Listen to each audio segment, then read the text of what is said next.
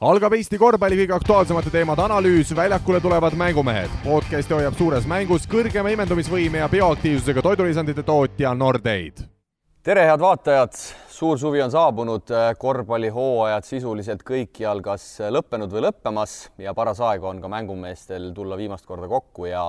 ja korvpalliteemaline jutujärg üles võtta. kui muidu olete harjunud meid kuulama tavaliselt kas siis kõrvaklappidest või, või autoraadiost, siis nagu näete, täna oleme teiega eh, videopildi vahendusel ja, ja tuleme siis eh, teieni selle hooaja viimase kolmekümne üheksanda osaga ja, ja härrased minu kõrval eh, sel korral moodustunud kvarteti siit paremalt käelt Audentese tüdrukute treener Marko Parkonen Tarva potentsiaalikas uus abitreener Kristo Saage. tervist! ja kolm korda kolm koondiste värske abitreener Priit Vene. tere! kuidas, kuidas nüüd on, päris pikalt on vahe sisse jäänud. Marko küll pole meil muidu regulaarselt äh, stuudios olnud, kas olete ennast nii-öelda suvelainele sätti või ikkagi teiesugustel meestel on kogu aeg äh, pall peas kinni? no töö käib siiamaani, nii et hooaeg pole veel läbi, nii et pole hullu ja et ütleme, rütm on nagu selles mõttes selle podcast'i koha pealt nagu ära läinud, et muid tegemisi on palju olnud ja, ja, ja korvpalli ikka jälgida, aga enam mitte niisuguse pilguga, et äh, proovime viisakalt selle asja siin kokku võtta ja, ja, ja küll jõuab selle korvpalliga tegeleda no vot, peale sellist sissejuhatust ei ole rohkem midagi öelda. järgmisel hooajal võib-olla etiketi ka ikkagi saad paika, et. no vaata, meil maal ei ole selles mõttes, et koroonaaeg ja poes ikkagi, kui tagument on nii suureks läinud, et siis ei ole neid teksasi niimoodi võtta, millega mugav istuda, need äh, nööp lahti on ka kehva istuda. Noh. okei okay,, aga, aga kui me tuleme enne nii-öelda oma rubriikide juurde, siis äh, siis üldiselt vaadates seda korvpallihooaega, seda teist nii-öelda koroonahooaega, siis, äh, siis enamikes liigades ikkagi, ikkagi sai need mängud ära mängitud ja ma arvan ka, et see on nagu põhiline, et äh, kuidas ma siis ütlen, et äh, vähemalt toimusid need mängud, et ei olnud nii, et jälle kuskil oktoobri lõpus öeldakse, et nüüd on seitse kuud mitte midagi ei näe, et et see oli nagu väga positiivne. ja et äh, ütleme, siin on äh, arenguid olnud, et tunneli lõpus nagu valgus paistis võrreldes septembriga, et mängud sai mängitud, läksid nad nagu nad läksid, kellel kuidas, kellel paremini, kellel halvemini, kellel koroona mõju ja selle taha vähemalt peitu pugeda, kui oled kehvasti asju ajanud, et, et loodame, et uuel aastal saame rahvasaali ja normaalselt asju edasi ajada. no ega paljud liigad veel käivad, nii et on, mida arutada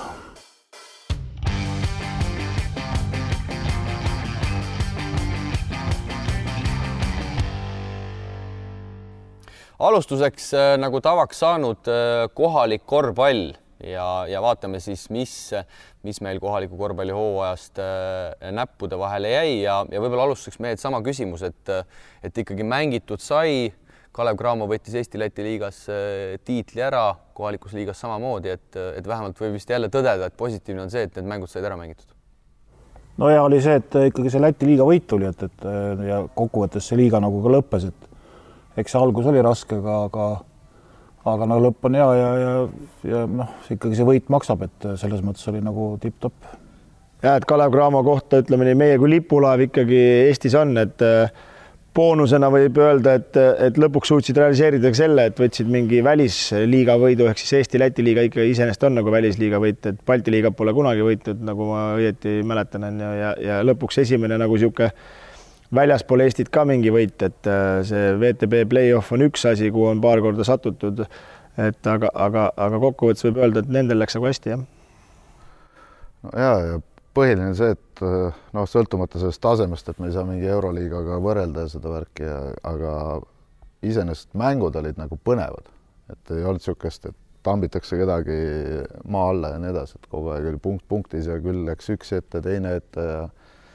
et see, see oli isegi väga positiivne no kuus korda siin äh, rammiti üksteist sisuliselt hooaja jooksul läbi, et et minul isiklikult küll äh, lõpus oli selline kerge tüdimus peal, et kas, kas te oskate nagu sama, sama väita, et et alguses tõesti, nagu Marko mainis, olid need mängud põnevad ja, ja oligi huvitav vaadata, kuna kõik võitsid kõiki, aga ütleme, see viies-kuues voor ikkagi, ikkagi hakkas ennast ammendama. no eks seda segadust selle koroonaga tekkis ja, ja ma ei tea, kes seda süsteemi välja mõtles, aga, aga, aga noh, ega, ega mis see elu on, ega teinekord mõned satsid mängivad omavahel hooajal kaheksa-üheksa korda on ka ju olemas, kus koduliigad, välisliigad, play-off'id, satud ühel pool, teisel pool, nii et ega ega see tippsport ongi rutiin, aga, aga no kahju oli ikkagi see, et mida me oleme ka talvel rääkinud, et see põhiturniiril ei olnud nagu mingit väärtust, et see nagu lörtsis selle hooaja ära, et aga noh, nagu Marko ütles, et need viimased mängud olid nagu okei okay,, et siis nagu midagi jääb ikka meelde ka, aga muidu oleks nagu päris, päris kurb olnud see asi. Ja et kui siin äh, ikka inimestel jääb lõpp meelde, et kui siin vaadata kasvõi finaalseeriat, kus Pärnu sai ühe võidu kätte, kui aluseks äh, pusis Craamoga tublilt äh,, samas Tarvas ja Rapla panid korraliku seeria maha viiemängulise et äh, see oli nagu positiivne, aga, aga ikkagi alguses need mängud olidki põnevad, aga siis äh, tublimad läksid eest ära ja nõrgemad jäid koha peale lihtsalt, et äh, siin igasuguseid segadusi ja mängijate vahetusi ja asju, et see on täitsa tavapärane, aga siis ongi, kuidas klubi juhtkond reageerib olukorrale, mõned oma ülesandega hakkama ei saanud. No mul on hea näide, ma olen pannud see hooaeg kolme satsiga kaks korda viis põhiturniiri pluss karika poolfinaali, pluss karikas üks mäng ehk siis äh, Tartu ja Pedaga Audentese tüdrukutega mänginud siis kaheksa korda vist Pedaga ja seitse korda Tartuga, nii et noh. oli piisav? no me jäime kahjuks kolmandaks, muidu oleks saanud veel finaalseeriat ka veel mängida, nii et noh, ei, see on ikkagi päris, päris kurb on panna niimoodi kuus mängu ühe sama võistkonnaga, et äh, no sul on hea võistlus vähemalt, nagu alustad, on medal käes kohe, et selles mõttes on kindlam no, minek. jaa, aga noh, see ikka. igaüks ei saanud medalit siia sellega ma olen nõus, sellega ma olen nõus selles mõttes, et kas sul nagu mure Tibusi ka. loetakse kevadel. Nagu kas sul on nagu mure ka, et naiste treeneriks tahab vist igaüks saada kohe medalil, vaata, et CV-sse midagi kirja panna, et. ei, mul sellist muret ei ole, ma pigem olekski ühte satsi vaja, et saaks vähemalt mingisugust seeriat mängida, ükskõik mis seeria see on siis, kas mingi pronksi poolfinaali, ma ei tea, kuuenda koha peale või vahet ei ole, aga mingi play-off'i õngu võiks olla. ja muidu noored ei arene ju, see on ju selge ju päev, et, et noh, mängid põhiturniiri ära, ühtegi tähtsat mängu piltlikult öeldes ei saa, et, et noh, see ongi selle asja kurblooliselt nalja võime teha küll, et kolm, kolm satsi ja saad kohe medali, aga tegelikult see on ikka mage noh no ja siin ma eeldan, et siin on see probleem, et võiks neid satse juurde panna ja, ja ma arvan, et tüdrukute nagu eelarve ei pea nii suur olema, et, et, et seal mängida, aga kus neid mängijaid võtta, et see on nagu küsimus ja, ja jõuame Eesti liigas ka kindlasti selleni no näe, väga hea, Marko, peame tei-, teinekord ka saatesse võtma, siin saame naiste korvpallist ka kohe niimoodi. Muuseas täisülevaate, muuseas rääkida, aga, aga enne kui me vaatame Eesti liiga mõttes tulevikku, siis äh, siis mehed, mis näppude vahele jäi, et äh, okei okay,, Cramo võitis, Pärnu teine, Rapla kolmas, aga tuli mehi pildile, oli noormängijaid, kelle üle rõõmu tunda just nii-öelda selles suhtes Eesti rahvuskoondise mõttes, et et saime me nii-öelda mõne mehe nagu, nagu, nagu juurde, juurde nüüd tulevikuks. no ma ei tea, kas rahvuskoondist saime, aga meil on isegi liigas mehi ju puudu, nii et et sinna me ikkagi paar, paar nime ikkagi saime, et äh, see on nagu, nagu positiivne, et noh, kes sinna koodisse lähevad, ega enamus on ikkagi need, kes välismaal mängivad, et see on ka selge päev. ja need on ikkagi kandvas rollis, et ega me kodumaa mehi siin nii väga palju pole, aga kui Graamo mehed välja arvata, võib-olla sest ikkagi see, et, et paar nime tuli lihtsalt nagu liigasse juurde ja on täitsa arvestataval tasemel, et see on nagu tore. aga saab mehed ju ka koduliigast koondisesse, Märt Rosenthal näitas selle sel hooajal ära, et et, et ei ole see asi nii hull midagi, et, et ainult välismaale minek on see, mis, mis viib koondisesse, mitte et ma välismaale mineku vastu oleksin, aga, aga ei, näitas Märt tegelikult, et saab ka siit. no ja, ja ega see välismaale ainult minek nagu ka ei too, eks ju, et muidugi iga ise pead ikka ka mees olema, aga, aga aga no ma ütlesin, et ütlesin, kandvat rolli mängivad ikkagi need, kes nagu on, aga, aga selles mõttes on hästi jah, et, et koduliigast ikka saab, et miks ei peaks saama, no kes vähegi tahab, see peaks ju saama tegelikult, aga aga, aga no eks paljud asjad peavad kokku ka langema no Juka käib ju mänge vaatamas, et ta peab ju puruloll olema, kui sa lööd siin Eestis platsi puhtaks ja ta seda kutset ei saa ja oled eestlane ka veel, et, et ega ikkagi mäng, mäng, mäng selle kutse sulle toob ja sinu ütleme, võimalus annab sulle sinu plussid ja miinused, kuidas seda ära kasutada, on teine küsimus, et äh, nägime ju tegelikult Rosenthal sai selle kutse, ma ei tea, ega meie ju ei tea, kui kindlalt või kui mitte kindlalt ta selle sai, aga Permis ta ikkagi oma osa täitis ära, et ja, ja mis oli suur üllatus nagu. no tulles Priidu juurde tagasi, siis äh, põhipoint on selles, et kui minu silmis enamus arengu tegid ikkagi sellised kaheksateistaastased mängijad. aga kui me saame meistriliigasse paar mängijat juurde, siis me peame kartma seda, et võib-olla ülevalt keegi lõpetab ära. ehk siis me jääme ikka sama numbri juurde või siis ütleme, kaks-kolm meest lähevad, proovivad välismaal ja ei no eks mõned ikka lõpetavad, aga, aga noh, see oleks veel hullem, kui alt ka peale ka ei tule ja osad lõpetavad, siis oleks. sellega ma olen nõus, aga. siis läheks vahe ju. sinna me veel jõuame. siis et... läheks vahe ju veel suuremaks. selle jutu me veel juurde veel jõuame, aga, aga ütleme, räägime siis nimedest ka, noh, kindlasti Hugo Toom Pärnust, eks äh, ma usun, et äh, ka TalTechist vaatamata kasinale, kasinale hooajale, ütleme, Ojamäe, äh, Matute Berner tulid, tulid pildile, on veel kedagi, kedagi tuua? no Ken-Marti Reinalt tegelikult alustas ju hooaega päris, päris korralikult, ütleme, et noh, vigastus tuli selga, aga ma arvan, et see nimi oleks veel lisaks tulnud. Sten, äh, Sten Kaldre, ütleme, Tom Kalder, Tom Kalder, vabandust, jah, Sten Kalder tegi ka päris korraliku hooaja lõpu, ütleme, aga Tom Kalder tegelikult teise hooaja teisel poolel ikkagi me teda siin kritiseerisime küll, aga hooaja teisel poolel ta ikkagi, ikkagi tõusis päris korralikult pildi peale ja tegi päris häid mänge, nii et äh, see on ka üks, üks nimi, keda natuke vanem mees juba, ütleme Oliver Suurorg Tartust ju ka tegelikult, et no Oliveril oli, ongi paras aeg, ütleme, tal oli ikkagi teine aasta niisuguse kõrgemal, esimene aasta läheb ikka selle sisseelamise peale ja mängu nagu õppimise peale, et, et selles mõttes, et sealt see, see nimi ka kindlasti jah pluss siis ütleme noorem suurorg Pärnust, ütleme küll ei saa mingi metsikuid äh, minuteid, aga siin finaalseerias ühe mängu mängis täitsa korralikult nagu mõtte taseme mõttes on ju. ja, ja seal nagu selles mõttes ainet on ja, ja, ja selle kohta tuleb ikka öelda, et äh, kui sa ütleme, tuled sealt noorteklassist või kuskilt äh, esiliigast näiteks meistriliigasse, vahet ei ole, mis võistkonda, eks noh, sa pead esimese, esimese või teise aasta õppima lihtsalt käituma, et seal on hoopis teised nüansid, et nendega nagu said hakkama need mängijad, keda nimetasite, jah. no ma panen selle Kasemetsa ka sinna juurde, et nii palju, kui talle usaldati, siis ta ikkagi sai suht, ütleme, pigem jäi positiivse poole peale oma rolliga ja sellega, mis ta seal tegema pidi. nojah, ütleme nii, et mängija, kes on nagu pildis, kellega tahetakse läbi rääkida, kuskile võtta, et me veel jõuame siin punktis Eestis kindlasti nende meeskondade arvu juurde ja, ja eeldavate mängijate juurde, siis neid meil tegelikult puudu on, et meil tase tasemeks, aga kui inimene ei saa võimalust, siis on nagu keeruline seda üldse kuskilt midagi saada, noh no teeme siis seda ka, mida me kõige paremini oskame, ehk siis kritiseerime, et kellelt oleks enim oodanud, kes võib-olla ütleme persoonide põhiselt ütleme nii, et noh, kas nüüd valmistasid pettumuse, aga, aga oleks oodanud rohkem. ma ei tea, ma. on üldse selliseid? kindlasti on, et vot siin on selles mõttes, et ei saa nagu öelda, et, et ta nagu ülikehvasti tegi nagu, aga eks siin erinevad põhjused, et me neid ju kõike täpselt ei tea, noh. mina oleks oodanud näiteks, et TalTechis, kui me võtame Smalts, et oleks teinud nagu stabiilsem hoo esialgu, noh, selles mõttes esiteks on ju nagu, et öö, oleku ja kuju pärast ole, oleks nagu niisugune vend, nagu oleks Kalev Cramos on ju, aga, aga samas ma loodaks, et ta nagu teeks mingi sammu edasi, eks mm,. mängijaid siin. aga paratamatult me ikkagi otsime neid mängijaid pigem tagumise otsa satsidest, kes ütleme ka võistkonnana ebaõnnestusid. no ei tea, selles mõttes, et ega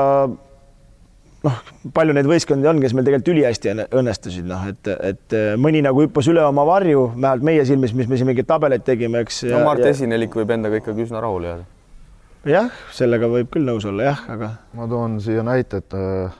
pigem äh, võib-olla väga suuri läbikukkujaid ei olnud, aga peaks vaatama just seda play-off'i osa, et äh, need, kes siin särasid ja stabiilselt mängisid põhiturniiril, kui play-off'is jooksid lati alt läbi, siis siis see on palju ohtlikum näitaja, et kui see on toimunud aastast võib-olla paar aastat järjest, on ju, siis siis nende meestega tuleb natuke teistmoodi võib-olla käituda, et noh, ja neid mehi oli nii Pärnus, Kiinus, Raplas, kes meil seal oli, Rakvere, no Rakvere ikkagi mängis suht oma seal välja. No seal ei saa ka nii öelda, selles mõttes, et TalTechiga ju tegelikult ütleme, TalTechil Rakverega võrreldes TalTechiga ju neil lihtsalt noh, ma, minu isiklik arvamus on, et ükskõik, mis võistkond oleks TalTechiga mänginud, sel hetkel play-off'is ta oleks jõudnud äh, top nelja, noh.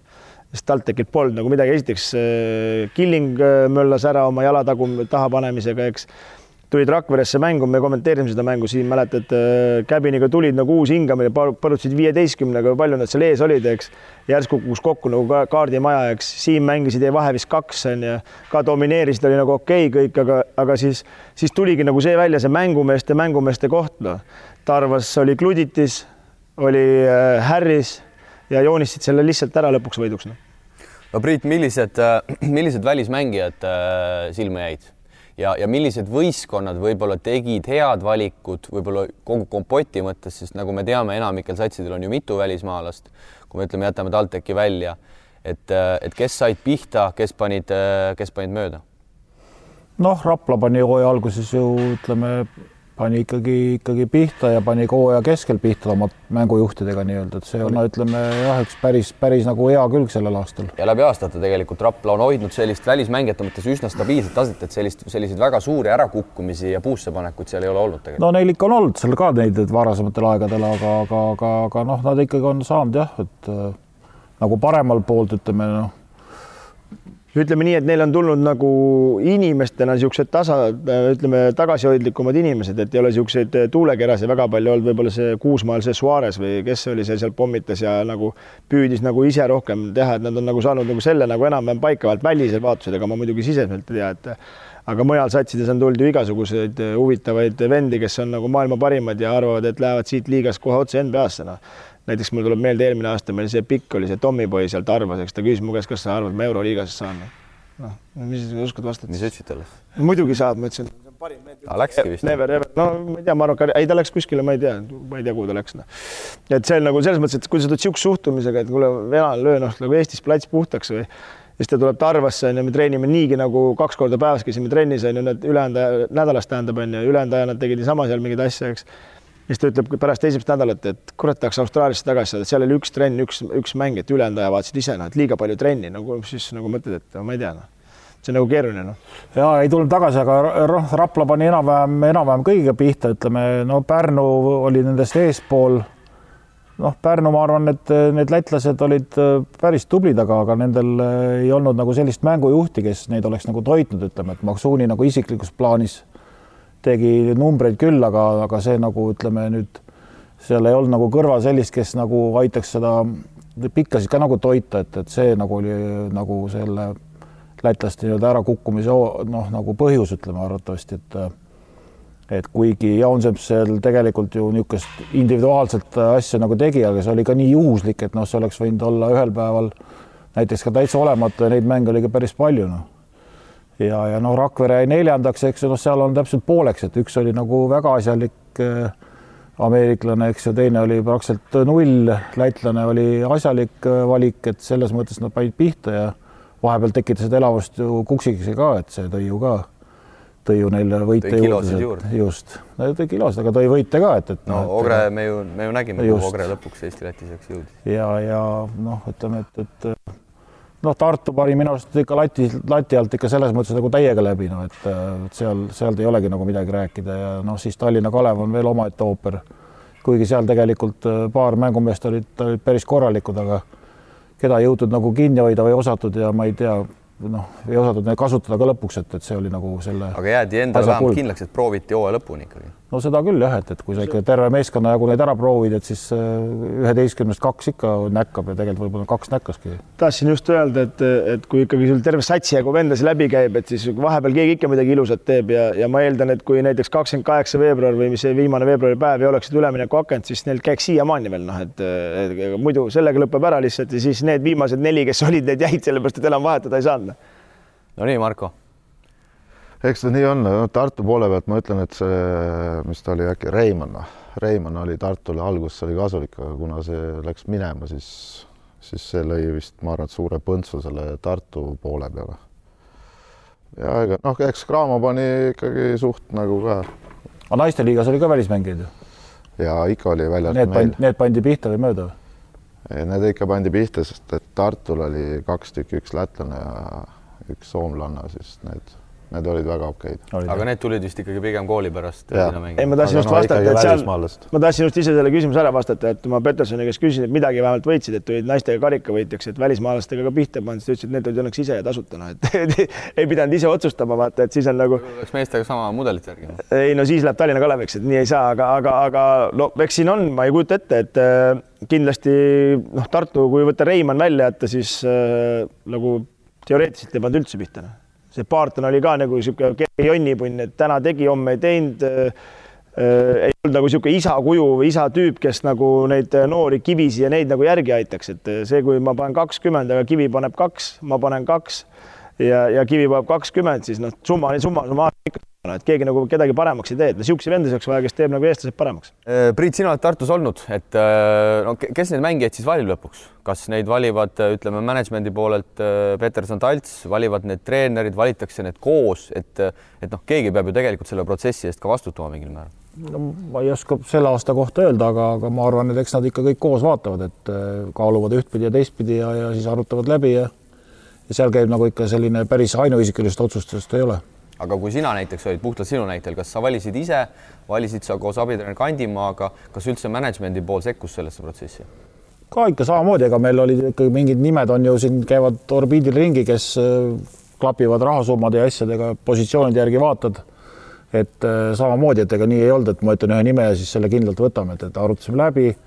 oli teisi kandidaate, kes nagu paremini nagu kõigile peale läks, eks siis võetigi no eks seal ju välismängijate piiriks üks asi ainult on, et hind lihtsalt, et, et ega seal muud ei ole, noh. et kui, kas sul on ja siis ütleme, et Cramo saab sellepärast paremad mängijad võtta, nendel on limiidiks kümme tuhat ja siis Tallinna Kalev ja Tarvas mängivad, ülejäänud mängivad kahe kuni kolme tuhande vahel ja siis kui kolme tuhandega mööda paned ja see ka ei mängi, siis on nagu suur paans majas, noh aga kuna see kohalik liiga meil ikkagi südamelähedane on, siis võtame nii-öelda võistkond võistkonna kaupa ka läbi ja, ja vaatame, mis siin küla peal ka vahepeal spekuleeritud ja ja räägitud on. Ja, ja alustame siis Kalev Cramost, noh, sel hooajal ikkagi ma ütleks, et vaatamata kõigele väga-väga hea esinemine, Eesti-Läti liiga võit, kodune meistritiitel, küll mitte kergelt Pärnu vastu, WTB-s jäi küll play-off'ist äh, puudu, aga nii palju, kui ma olen Kalev Cramo Leeriga rääkinud ka, siis äh, Stelmachers on väga suure tõenäosusega jätkamas alustatakse läbirääkimist ka, ka mängijatega ja väga suur huvi on minna ka Champions League'i mängima, et et Marko tõotab tulla ikkagi väga huvitav aasta, vaadates Kalev Cramot, et just see, see märksõna, mis sealtpoolt tuli, oli see, et süsteem töötas ja üritatakse seda sama süsteemi hoida, paar killukest juurde anda ja, ja mine sa tea tegelikult. kindlasti ja ma arvan, et Cramole, Cramo kontori poolele ja treeneritele meeldis ka see Moskvas saadud võit sees ka üle, et see on nagu kindlasti asi, mis neile hooajast meelde jäi, aga ma päris pead ei anna, aga ma tean, et äh, siin peaks olema mingisugune reegel FIBA sarjadega, et sa ei saa osaleda vist kolmes sarjas korraga.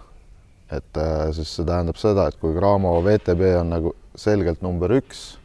kui nad tahavad FIBA Champions League'i minema, siis nad peavad vist Eesti-Läti liigast loobuma ja mingi niisugune, et või Eesti meistrivõistlust ja eks seal pannakse neile lõpuks mingisugused asjad ette, et äh, ja kui nad seal Champions League'is näiteks ei pruugi saada alagruppi, ega siis nad äh, sinna ei lähe ka. ma väga kahtlen selles, et nad proovima mängida kolmandast ringist alustada, et äkki saame. Noh. ja korra on seda vist ka proovitud ja, ja see lõppes seal kuskil teises ringis ja ja, ja nii ta läks, aga tegelikult Priit, see oleks ikkagi ju Eesti korvpallile väga hea, me oleme siin hooaja jooksul rääkinud ka see Champions League'i minek ja ja koosolek pidavat olema Fibaga siin lähiajal, aga tegelikult ei pidavat olema üldse mingi mitte ebareaalne ja sel juhul Eesti-Läti liigas äh, kaks vooru kodus ja võõrsil siis Cramo, Cramo mängib, VTB-s nagu me teame, Himki kukub ära ja kedagi asemele ei vaadata, ehk siis sealt kukuvad ka ikka kaks mängu ära, nii et nii et pidi olema täitsa tehtav see kolmes liigas korraga mängida. no loodame, et on ikkagi, et, et ega siin ju te, tegelikult teised maad ju mängivad ka, et, et noh, ei mängi kodu, koduliigas põhiturniiri, et, et no mis siis sellest ikka, et et äh, igal juhul kuskilt peab ju alustama jällegi, et noh, kuna meie klubide reiting on nagunii Euroopas täitsa null, et siis, siis peaks ikkagi nagu üritama võimalikult palju nagu peale minna, et kui me saaks see aasta nagu kahe, kahe võistkonnaga nagu juba Vivas sarja peale, et see oleks ju väga-väga tipp-topp, et ja ma loodan ikkagi, et leitakse see kompromiss, et kuidas seda asja tehakse. no ja kui me seda küsid Kalev Cramo hooaja kohta, kuidas oli, et siis ma ütleks, et jõuludeni oli suht nukker ja see koroonavärk ja siis alguses ei tea, kuidas seda VTB-d ja mängid ja ja siis hakkasid vaikselt koguma ennast ja ütleme, pärast seda CSKA võitu läks nagu punn pealt ära ja hakkas järjest tulema karikas, no seal on kohustuslik, aga ikkagi ilusa mängupildiga enam-vähem võistkond koos, et ja siis noh, ikkagi murelapsi on ju, lõpus oli ikka täitsa latsaret ja ikkagi Eestis väga tihti ei juhtu, et sulle pakutakse võimalus Kalev Cramoga võrdselt mängida, noh, Pärnu ühe võidu sai kätte, aga noh, seeriaks jääb igal juhul väheks sellest, et äh, aga Kalev Cramo uue aasta mure, noh, Champions League okei okay,, et Eesti mängijaid otsib, et äh, nagu Marko ütles, et see CSKA võit jäi meelde ja see on täpselt see asi, millega nad saavad järgmine aasta mingeid mehi siia kutsuda ja ka tõenäoliselt neid samu mehi nad kinni ei hoia ja siia tullakse lihtsalt, et minna kõrgemale. Ja, ja see on ju aastast aastasse nii olnud ja, ja ja no loodame, et ikkagi pannakse täppi, väga mööda pole pannud nende mängijate valikuga, et sellel aastal ja Stelmars kuidagi tunnetab vist päris hästi, et on need kõik mängima saanud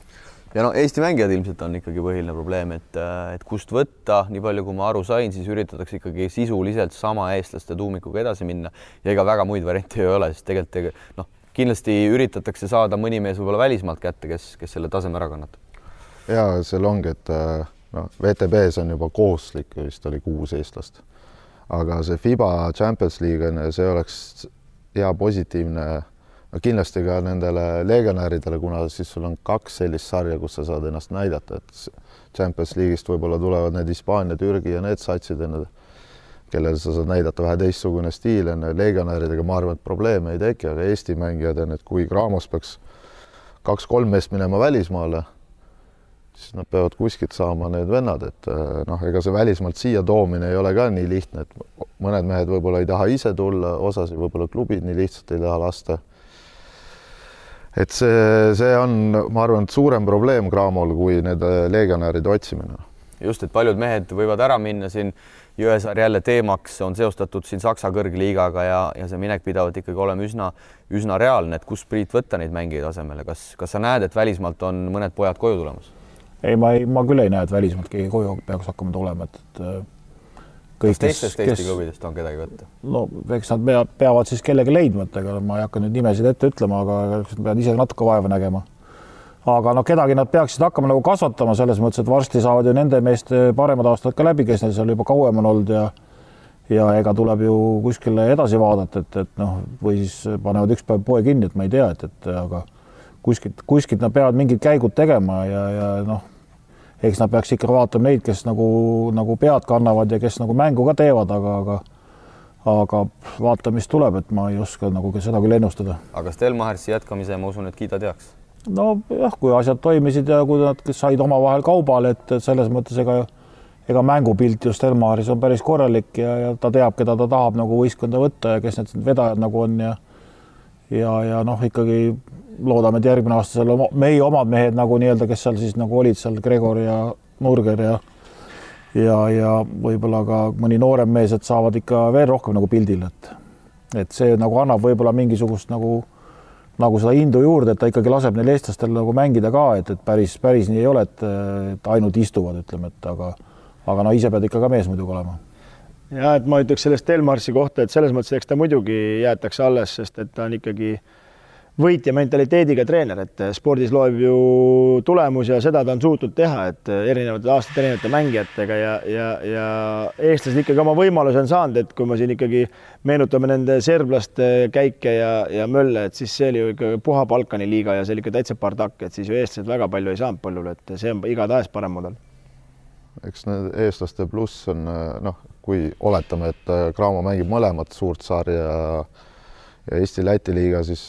kodus-võõrsil üks ring või mis iganes, ehk siis need eestlased, kes saavad mujal vähem mängida, siis nad peavad hakkama seal mängima ja see on ikkagi parem kui mitte midagi nojah, selle juures ongi see, et tõenäoliselt sellest Stelmachersil on mune neid eestlasi kasutada ka nagu ütleme, kui me võtame Varraku tagasi, kes oli Kalev Cramos ja räägiti, ma ei tea, kolm-neli aastat, et me paneme duubelvõistkonna, kes mängib Eesti liigat, me hakkame VTB-le keskenduma, noh. siis tulid Rakveresse, siis põhimehed vedasid kolmkümmend seitse minutit jalga tagasi järgi ja siis võitsid kümnega, läksid laiali ja mehed istusid pingil edasi, noh no lähme siit edasi ja, ja võtame siis kohe selle hooaja teise finalisti Pärnu ja noh, Pärnu poolt nii palju uudist, et äh, Rannula suure tõenäosusega jätkab, ma sain aru, et ka see eurosarja minek pidavat olema nüüd enam-vähem äh, kindel, aga ühe löögi Pärnu ikkagi seal alles hiljuti sai, kui Märt Rosenthal, nagu saite lugeda, kaheaastase lepinguga Tartusse, et äh, et mis põhjused tead seal taga võivad olla? kas sa kuidagi nii mureliku häälega ütlesid selle välja praegu, et ei oled nagu ebaplev, et kas peaks minema või ei peaks minema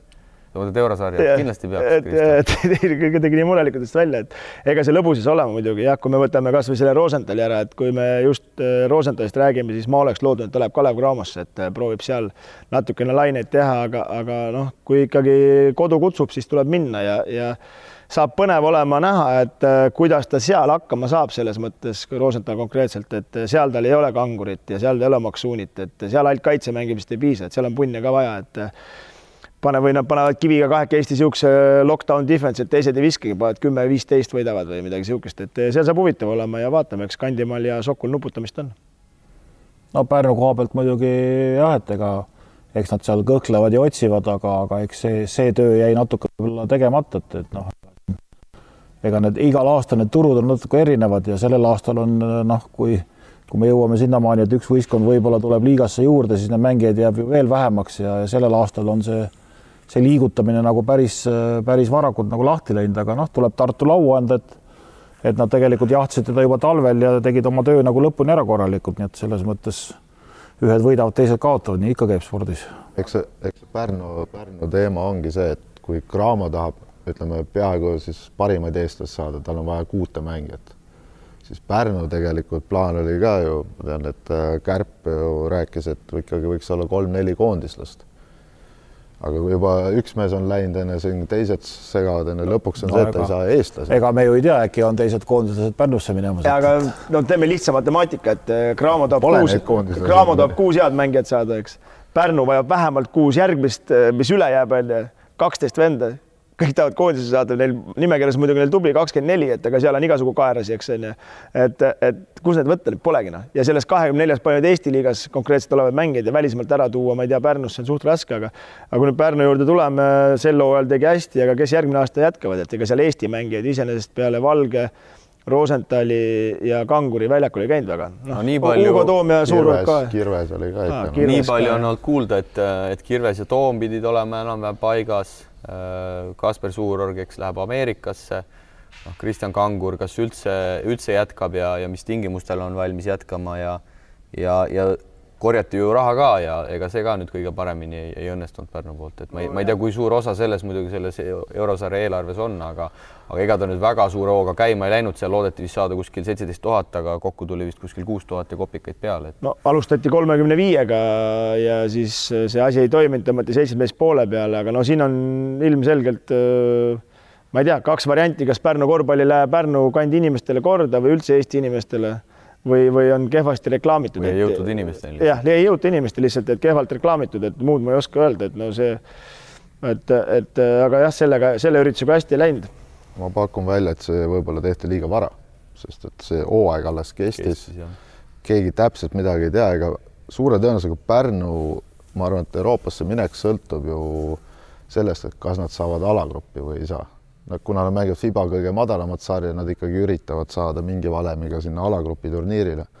muidu saad seal mingi Bosnia otsa ja lähed sinna, löötakse üles, ongi su eurosari läbi ja kõik. noh, tõenäosus, et nad sinna saavad, on ikkagi päris suur, et ega seal madalamal väga kõva tunglemist pole, et äh, me Tarvaga saime ka ju otse peale, et ei olnud mingit küsimust, et äh, Tallinna Kalevi korra mängis no see on ka aastate erinev, ega, ega noh, eelmine aasta ei olnud tunglemist, aga see aasta arvatavasti, kui see koroona asjad lahti lähevad, on jälle rohkem tunglemist, et seda on juba Euroopa poolt olnud kuulda ja ja ega noh, kuna, kui ma ütlen, kuna meil ei ole ju klubidel ühtegi reitingut, siis äh, vabatahtlikult meil keegi sinna alagruppi küll ei pane, et, et et pigem ta jääb ikka selle test, testimängudeks, ütleme, et äh, noh no ainuke pluss on see, et me saime EM-il, et äkki see mängib midagi kaasa. ei, see ei mängi mitte midagi kaasa selle pärast. üks on, üks on vist mehed kindel, et kui te rääkisite siin Eesti mängijate nappusest, siis äh, Rannar Raabi karjäär kipub jätkuma ja tundub, et tuleb siin hilises eas veel eurosarja. mitte ainult, noh, Kasega koos hakkavad suuri asju tegema, niisugune valge Marbury karnett Pärnus järgmine hooaeg. et no ma ei tea, Rannar ka ju on Saage see kolleeg, kolleeg on ja kuidas tal aega on, et ta saab muidugi satsi ära viia, lennupiletid kokku hoida et ei, ei no, no aga see ongi nukker selle juures, kui me räägime nagu mängijate valikus on ju, noh, okei okay,, mitte midagi Rannari kohta selles mõttes, et mees tahab teha, teeb, on kõik, armastab korvpalli, vägev on ju. aga tegelikult peaks olema nii, et oleks Rannar, sorry, et mine pane esiliigas, et see Siirus seal Vahtriga koos paneb pikerrolli ja sa jookse kiiresse, Vahter paneb kolme on ju. ja siis Pärnu vaatab, et kaheksa venda, Rannar annab hästi kehatrennis on ju, aga trennikehasi on ka vaja siis me oleme jõudnud sinnamaani, et mingile mängijale makstakse palka sellest, et ta trennis teeks teisi paremaks, aga ise võimalust ei saa, vaata, et see on nagu kurb, no seal võiks olla mingi äh, kaheksateist, seitsmeteist aastane vend, aga sellel pole niisugust keha, noh, et ta ei saa nagu selles mõttes trenni kvaliteet on ka väga oluline. aga lähme edasi, äh, selle hooaja pronks Rapla Avisuu Tilitas, no täielik vaikus, ma ütleks, et siin Jaak Arp meile siin ühes saates ütles, et tahetakse minna mängima Põhja-Euroopa liigat, eks see on siis nii-öelda see paralleel, mis siin naistel juba on, eks aastaid äh, toimunud, mida lätlased ajavad. aga praegu on jah, ikkagi vaikus, mingid sahinad on käinud, et äh, üritatakse välistreeneri peale, peale, peale minna, aga see on, see on puhas spekulatsioon. no ei tea, ei tea jah, et äh, no loodame, et ikka see Põhjamaa liiga toimub, et mis satsi nad kokku saavad, eks nad eks nad mingi tuumika ikka teevad, et mõned omad mehed on neil ju olemas seal ja võib-olla võtavad mõne noore veel juurde ja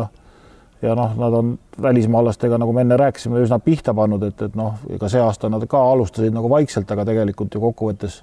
tuli nendel ju päris hea hooaeg välja ikkagi, et et noh, alati tahad paremat, aga, aga järgmise aasta mõttes, et noh, kui neil on nägemus olemas ja ja see liiga kindlus nagu tekib, ütleme siis sel, tänu sellele, et kui sa mängid mingit rahvusvahelist asja, sa saad paremaid, paremaid mehi kutsuda, ütleme no, nagu see Marko enne ka mainis ka, et et kui Cramo läheb Fibasse, siis annab nendele veel lisaenergiat juurde, eks ju, ja Raplaga täpselt samamoodi, et, et kui sa saad ikkagi mingit liigat veel mängida, siis äh, elu läheb nagu selle võrra lihtsamaks. ja et eks siin äh, me siin spekuleerime jah, et äh, selle aasta saame kokku võtta, aga uuest aastast ikkagi väga keeruline, et neid mängijaid on nii vähe, et võtame praegust näiteks Raplas mängivad mängijad, vennad Kaldrad, no kaua see Sven siis veel mängib, eks no ega ta nii vana ka ei ole, las ta Sven mängib, vahepeal juba lõpetas ära, no ju siis ei olnud motivatsiooni, ju siis raha juurde leitud. ei ole midagi, kui Rapla suudab oma eestlased säilitada, Ilves tuleb sõjaväest tagasi, on ikkagi üks käik jälle juures ka veel ja. jah, aga on küsimus, kas nad suudavad. Noh. ja, ja, ja noh, miks nad ei peaks? no elame-näeme, aga, aga küsimus selle peale, et välistreeneri peale minna, väga huvitav, et, et, et, et et mis siis järelikult on mingi suurem visioon härra Karbi peas, et seda me ju ei no, näe. see on, nagu ma ütlesin, puhas spekulatsioon. ei, ma saan aru jah, et ma olen ka seda kuulnud ja aga, aga, aga, kas see reaalsuseks saab? teine asi on see, et võtad välistreeneri, see maksab palju raha jälle, et siis sul jääb jälle eelarvest vähemaks ja nii edasi, et kui sul on oma mees olemas, aga selle juurde tulla, et eks nagu Priit ka ütles, et kindlasti tahad alati rohkem, aga Rapla ju tegelikult tegi Eesti liigas oma ära. eesmärk oli finaal, okei okay,, ei saanud, miinimumeesmärk, kolmas koht võeti ära ja boonuseks ju tegelikult Final Fouri jõuad Eesti-Läti ühisliigas, et äh, ei ole paha. no Marko sõber Toomas Annuk siin üks päev helistasin ka, soovisin õnne ja niidab kodus muru ja, ja loeb raamatuid, ütles, et võtab, võtab väga rauhalisesti, et äh, et, et ei, ei pingesta väga. kutse on juba laual, et pean sinna minema, et ta nagu ütleb, et ma pean kaks päeva ette teatama, kui ma tulen, siis ta vist niidab muru ära selleks ajaks, aga no samas ma arvan, et äh, see välistreeneri võtmine, eks noh, eks nad oma kontakte selle kasutavad, et kas nad otsivad kuskilt Sloveeniast, kunagi oli ka niisugune jutt vahepeal, et see on lihtsalt, kuna neil on ikkagi korvpallikool ja noortetreenerid ja et nad ikkagi proovivad siduda, et mingisugust infot saada, kas nad võtavad nüüd äh, Stelmachersi tasemel treeneri vaevalt, et nad pigem toovad värsket äh, hingamist sinna kogukonda et kas üheks aastaks või kaheks aastaks, ma arvan, et pigem on neil selline nägemus ja seesama, mis on, kui nad saavad seda Põhjaliigat mängida, sellel samal treeneril tekib ka huvi, et noh, lõpuks ta võib olla omadega seal kuskil Ukrainas, Valgevenes, mis iganes, võib-olla veel parema pleki peal, nii et noh, et ma arvan, ma arvan, lihtsalt mulle meeldib see, et nad üldse üritavad sinna minna, et äh, see on juba siis peaks olema reaalselt nagu kolm satsi on juba mängivad väljas, pluss siin vist on jutud, et võib-olla üks veel enne. no Tart-, Tartu tahab ka sinna sellesse põhjaliigasse minna. see on neli satsi, mängivad juba igast erinevaid rahvusvahelisi mänge, et see on nagu väga positiivne. no üks, ma arvan, Rapla puhul äh, on kindel, et me, me väga pabistama ei pea, et Jaak Arp on näidanud, et, et ta ikkagi paneb seal mingi asja kokku ja, ja, ja sats tuleb ikkagi Eesti mõistes korralik. ja no. kindlasti loodame jah, et, et nad ikka saavad paremaks, et seal oli ju mingi valimiste teema ja mingi. just, nad said vallalt ka lisatoetuse nüüd, nii et. et, et kui nad selle said või sa, saavad, et siis, siis see teeb meile elu ikkagi palju paremaks ja kindlamaks. ja Jaak ütles ju tegelikult ka seal pärast pronksi saamist välja, et et saab hakata varem komplekteerima, et see valla toetus on ikkagi, tundub no,, et, et päris see on ikka oluline, aga noh, mis Rapla jaoks nagu tähtis on see, et, et see ikkagi see tipusats nagu püsiks, et siis tuleb vaata lapsi ka nagu peale ja noh, nendel on ikkagi see on kelle järgi joonduda. on kelle järgi joonduda ja vabrik nendel ikkagi praegu töötab, et nii poistes kui tüdrukutes on ju tegelikult võistkonnad olemas, et see on nagu, see on nagu selles mõttes väga hea jah, et selles mõttes, et jah, et on oma taset hoidnud, ütleme siin viimased seitse-kaheksa aastat on ikkagi oma taset hoidnud seal top nelja võistkond, et eh, kui ennem oli nii, ei tea, et pilla valla, eks on ju, et oma taset hoidnud ja ja mis näitab nagu nende häid tegemisi, on see, et rahvas on saalis, et kui sa inimestele mängid, siis eh, kui nad on saalis, see on okei okay. ja see noh, muidugi viimasel ajal ei ole seda näinud, aga eelnevalt võtame siis ikkagi rahvas käib vaatamas, järelikult läheb kogukonnale korda aga lähme edasi, selle hooaja neljas äh, Rakvere Tarvas, äh, Juri Zumbrasko läks uutele jahimaadele. räägi, Priit, miks sa siis ikkagi Tarule ära võtsid? no siin on igast erinevad põhjused, aga, aga, aga nii, nii, nii ta paraku juhtus, aga, aga ma arvan, et küll nad selle Umbrasko asemel kellegi uuega leiavad, et ega siis sellepärast elu seisma ei jää. Nii et Kristo, sina oled siis teine valik? ei, mina ei ole teine valik, aga aga Umbrasko läks ära jah, aga, aga no meil oli mingi punkt ka siin äh, selles tänases olukorras, et kes kus treeneriks hakkab, et siis neid treenereid ikkagi võtta ei ole, et. Äh, okei okay,, ma küsin siia vahele kohe, kas treenerite osas on seis sama kehv kui mängijate osas? no jah, võib-olla piltlikult öeldakse, võiks öelda isegi sitem, noh, et, et, et et ei ole, ei ole meistriliiga no, tasemel treenerit siis meil võtta või? ei, mitte seda ei ole, meil äh, võib-olla on, aga, aga kõigil hakkab juba ring täis saama, noh, et, et äh, nagu ütleme, Killingu-suguseid uusi tulijaid nagu peale ei ole, et kui meil noorkorvpallurid väga peale ei tule, on ju, et äh, noh, tuleb peale, aga kuskilt nurga tagant natukene, siis nagu treenereid ju tegelikult väga-väga ammu ei ole tulnud, et ühed samad joped kogu aeg panevad no.. Marko, mis, mis see põhjus on? Kuskil ma, peab arvan, või kas ma ajan üldse pada, sina kui treener? ei, ma arvan, et on ka päris palju on niisuguseid asju, et keegi ei julge riskida, et ongi kogu aeg ühed ja samad Sama ühed ja samad äh, nimed käivad kogu aeg läbi, et põhimõtteliselt äh, meil on võib-olla mingid treenerid ja osad treenerid, kes on juba kuue klubi juures olnud. ja ikka veel nagu kombatakse maad, et äh, äh, treener, ma arvan, et peatreenerid, kes on hetkel, peaksid just hakkama neid tooma aktiivsemaid, võib-olla noort, nooremaid treenereid endale abilisteks ja sealt edasi kasvab see ring võib-olla suuremaks. ma aga... tahtsin just selleni ka küsida, et äh, Priit on kindlasti neid asju näinud, et meil ei ole ju enamus meistriklubidel pole ju niisugust süsteemi, et kuskilt äh, tipust tuleb allapoole mingi treenerite jada on ju, kellega igapäevaselt nagu tehakse koostööd, koostööd, ütleme lõpuks äh, noh, minu silmis nagu on sul U kuradi kaheksas kuni ma ei tea, U kaheksateistkümneni, eks, siis sa süsteemi sees ka nagu mingil ajal neid vahetad, neid kasvõi mitte nädalaks või kaheks, et mingit muud hingamist tulema ja pealikult tuleb nagu ütleme siis äh,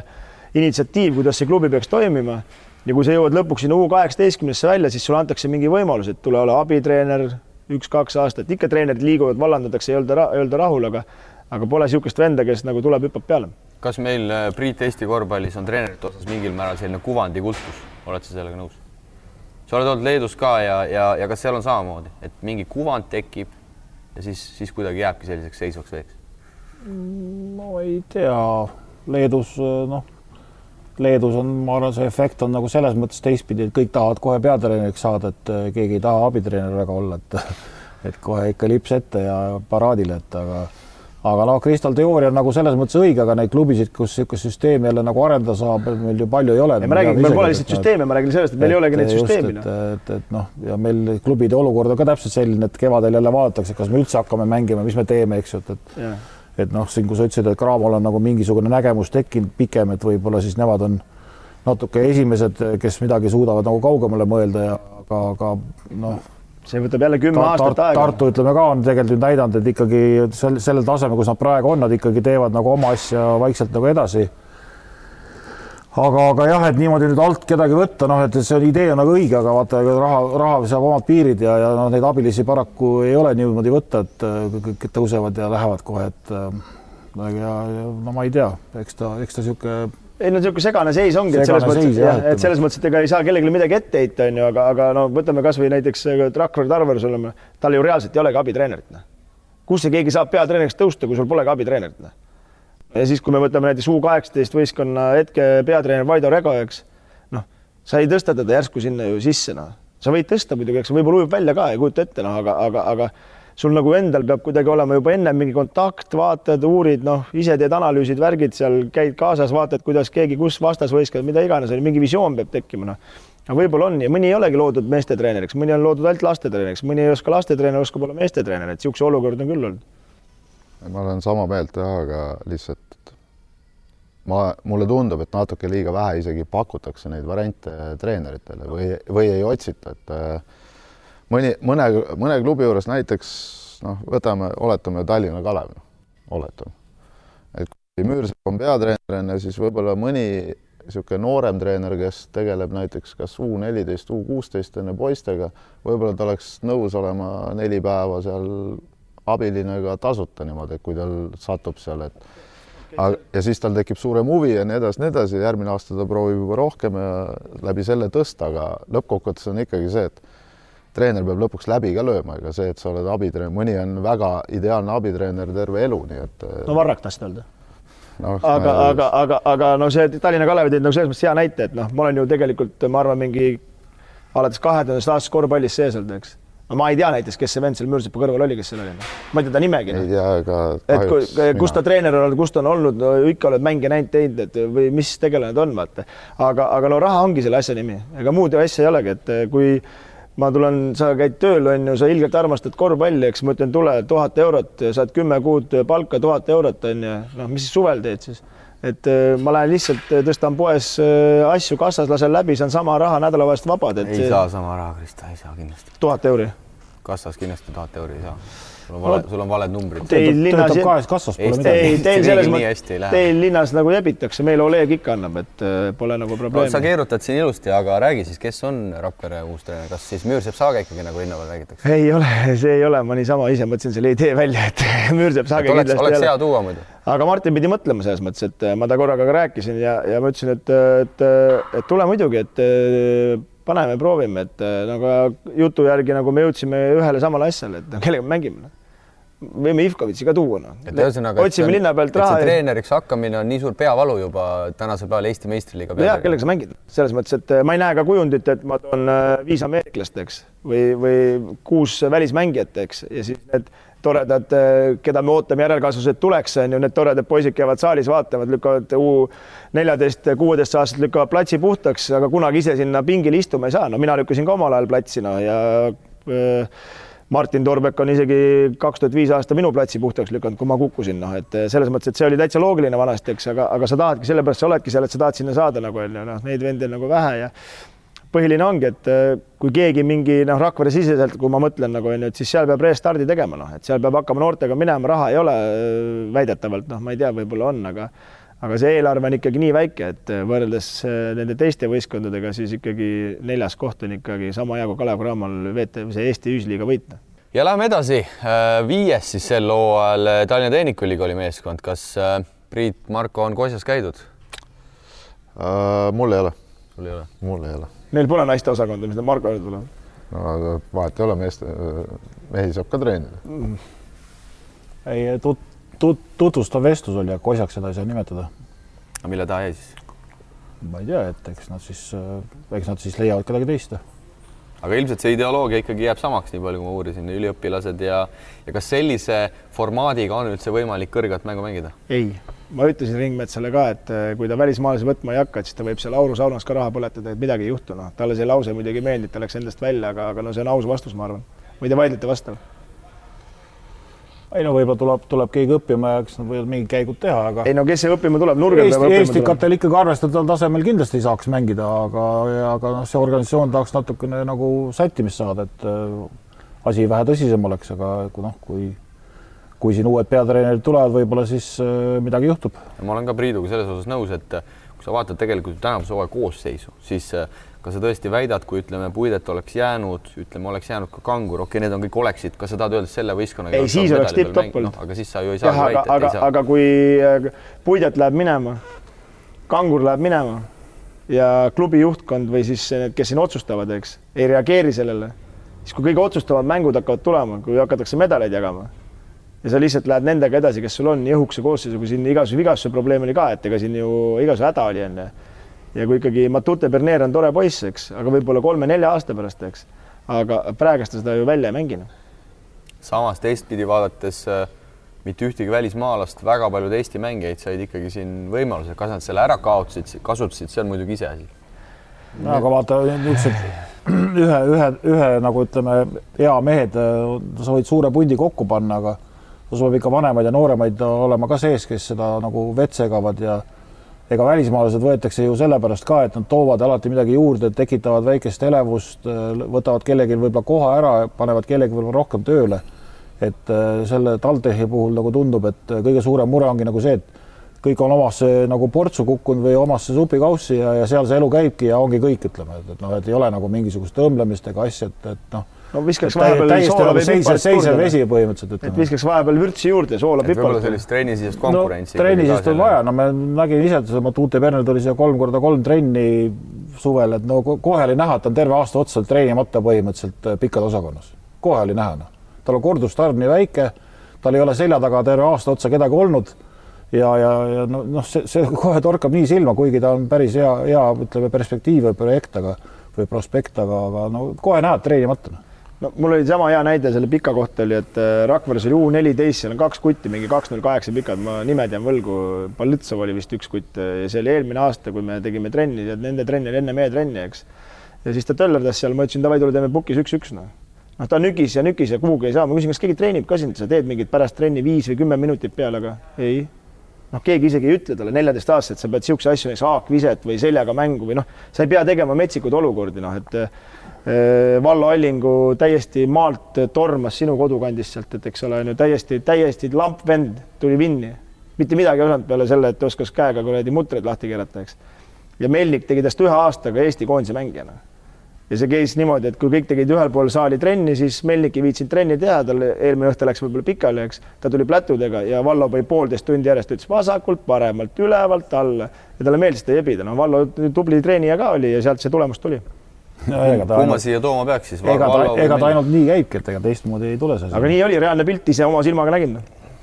oma silmakuningas. ja, ja jõulupeol nägin ka, et kui Valla võttis null neljases pitsis, siis Mellik ütles, et keeras pitsi teistpidi, võttis teeklaasi, noh, et see oligi nende vahe, noh, ka mängumeestele. on sul lisada midagi? ei ole, et ikkagi on vaja pikkasi mängijaid ja korvpalli hakkab ikkagi pihta number ühest ja number viiest, sul peab peaga tagumine olema, kes paneb kõik nupud äh, paika ja number viis, kes paneb katteid, äh, võtab lauda ja noh siin oma karjääri jooksul äh, väikse raha eest ju supernäitet arvas tuua näiteks äh, Anderson, Green Mile, suur mees, noh. talle meeldis, kui ta sai katteid panna haigete ja lauas käia, ta ei tahtnud peale visata, noh, ja niisugune vend sobib ainult Arvo Satsi, et, et niisuguseid on olemas ja, ja, ja ma arvan, et ka harituid korvpallureid välismaal, kes tahaks õppida ülikoolis, need tuleb vist üles leida, oleks olemas pikkasi näiteks. No Marko, kas selline ülikooli meeskonna formaat siis on hea või ei ole hea, siin on jälle plusse-miinuseid. Tartul ju iseenesest oli tegelikult sama, sama formaat, lihtsalt seal olid legionärid juures, et, et kuidas seda kõige efektiivsemalt siis ära realiseerida, sellist no,, sellist mudelit? kindlasti ma arvan, et osadele mängijatele tuli väga palju kasuks, võtamegi natukene nooremad, et äh, kui nad ise seal äh, mehed tahtsid olla, noh, et äh, kui nad ise viilivad, onju, siis ei ole midagi teha, ega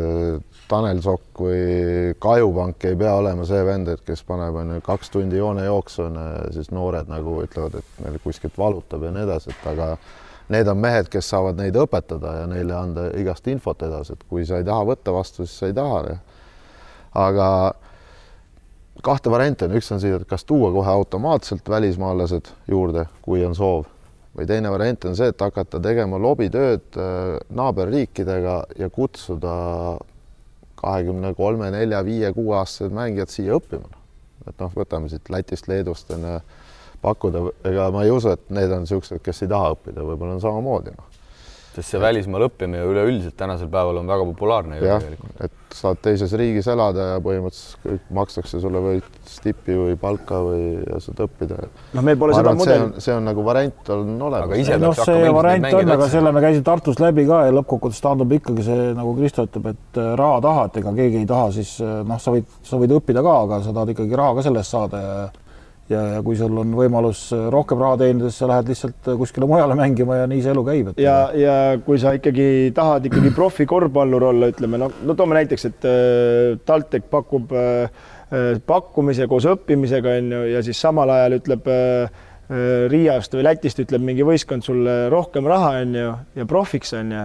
siis äh, ikkagi see mängija võtab selle profilepingu vastu, ta arvab, et temast tuleb hea mängija ja, ja on niisuguse suhtumisega nagu Valmo Kriisa, et neljakümneselt saab ka ülikooli minna. et seal ju piirangut ees ei ole, et lõpetab karjääri ära ja siis hakkab õppima. ja, aga ma toon näite kõrval, et meil on kõrval äh, ülikooli sats on Elluun,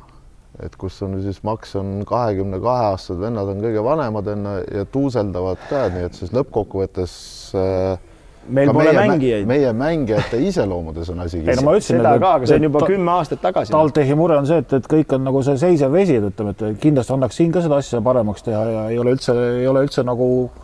näidustatud, et see ei peaks nii juhtuma, aga lihtsalt selleks peab nagu midagi tegema, aga, aga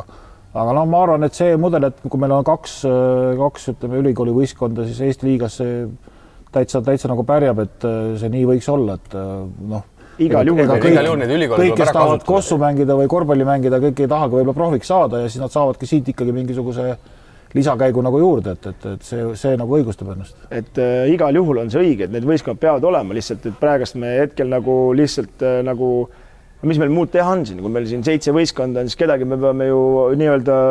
kritiseerima kedagi nagu, kes on nagu hästi teinud, aga, aga kindlasti need ülikooli võistkonnad peavad olema lihtsalt äh, alati on äh, sada inimest erinevad arvamused, et kõigile meeldida ei saa lihtsalt, et aga lihtsalt meie mängijate valik ongi nii halb ja see viga on tehtud siin ütleme seitse-kaheksa aastat tagasi, et kuidagi ei ole neid tõmmatud varem siia sisse, noh nüüd, kui enam pole kedagi, kõik hakkavad lõpetama, noh või on ära lõpetanud, välismaale läinud, kui piirid lahti on, siis meil oma, oma siin ütleme Eesti-siseselt pole nagu mängijaid, kellega üldse midagi teha, no treeni kvaliteeti kasvõi. aga siit on hea kohe Tartuga edasi liikuda, sest et äh, teema jääb äh, suures plaanis samaks, Tartu siin tuli äh, tuli ka sellise eesmärgi kogumiga alles hiljuti välja ja minu üllatuseks Tartu korvpallimeeskonna eelarve kolmsada kolmkümmend tuhat eurot. kuidas on see võimalik, et Tartu suuruses ja, ja ikkagi nii suurte korvpallitraditsioonidega linnas ei suudeta suuremat summat kokku saada. minu jaoks oli see üllatav number, ma ütlen ausalt, ma arvasin, et see on vähemalt viissada tuhat, kui mitte rohkem. no seal äh, Priit teab sellest kindlasti paremini ja, ja ma lihtsalt ütleks oma mõtte ennem ära, et no paber kannatab kõike, noh selles mõttes, et äh, elus ikka öeldakse, et paber kannatab kõike ja ja, ja sellel isegi ei ole vahet, ma ei tea, olgu see raha palju on, eks on ju, ja raha ei mängi, noh, noh piltlikult öeldes raha ikkagi ei mängi, et äh, tuhande eurone mees võib sul viie tuhandese rahaga selle pildi ka ära teha, aga lihtsalt kokkuvõte on see praegust, et äh, mul tekkis nagu niisugune küsimus, et kumb see siis parem on, et kas sa võtad kolm välismaalast, nagu võttis Tartu, eks, või sa võtad Kajupanga, Soku, Kanguri eestlased, eks, ja ehitad selle ümber ülikooli võistkond, et kumb mudel parem on, siis selle, sellel hetkel ma ütleks, et sellel aastal nagu on, et ikkagi TalTech tegi parem hooaja kui Tartu. Noh. ei teinud ühe koha peal jäid ju. ei, nagu ühel oli neli välismaalast no,. Eesti korvpalli mõttes ta ei andnud midagi. ja kui me võtame need välismaalased lahti, no siis no ma ei tea, kus kohast siukse üldse võetakse no.. välismaalt. see on nagu hea küsimus. aga ma tuleks ikkagi selle, selle eelarve juurde tagasi, teiste raha ei ole küll ilus lugeda, aga aga ma usun, et sealt kolmesaja kolmekümnest tuhandest kuskil sada tuhat tuleb vast ülikooli poolt ka veel. et kuidas näiteks Pärnu ja Rapla, kelle eelarveid ma ei tea, aga ma eeldan, et need on üle kolmesaja kolmekümne tuhande euro, et kuidas seal linnades suudetakse seda eraraha siis rohkem tuua ja Tartu, kellel, nagu ma ütlesin, on rokk, on traditsioonid, Tanoka pöörd, kõik jutud, eks, täismajad ja kuidas see eelarve siis niimoodi on kokku kukkunud? no seal on toimunud väike distantseerumine, et ega ta päris ju vana, vana, ütleme, asjaajamine ei ole, et et äh, mis sest, et ülikool on taga, aga ülikool vahepeal lõpetas ju täitsa selle, selle teema ära ja palju nüüd nagu juurde on tulnud, et noh, kui nad ütlevad, selline number on, siis selline number järelikult on. ja, ja, ja noh, ega, ega seal alati on elus nagu käärid, et ühele antakse, teisele ei anta, üks annab ühele, teine annab teisele, et, et võib-olla hetkel on selline seis, kus, kus paljud nagu ei, võib-olla ei taha anda ja, ja noh, eks seal Tartus seal oma sõda käib, et, et, et noh, eks, eks see on nagu selle, selle tulem ka natuke no minu arust on ikkagi see niimoodi, et, et nemad muutsid oma konspektsiooni, kui sa sinna läksid, Priit läks sinna, hakati ju noorte korvpalli arendama, siis äh, on kindlasti ka firmasid, kes arendavad noorte korvpalli ja nii edasi, no see oleks väga-väga hea, kui oleks niisuguseid firmasid rohkem, kes arendaks just noorte korvpalli, eks aga ennem kui mina seal mängisin, siis oli ikkagi ju see profivõistkond, ülikool lihtsalt aitas nagu, et selles mõttes siis oli nagu, kuidas sa müüd, no sa ei lähe müüma,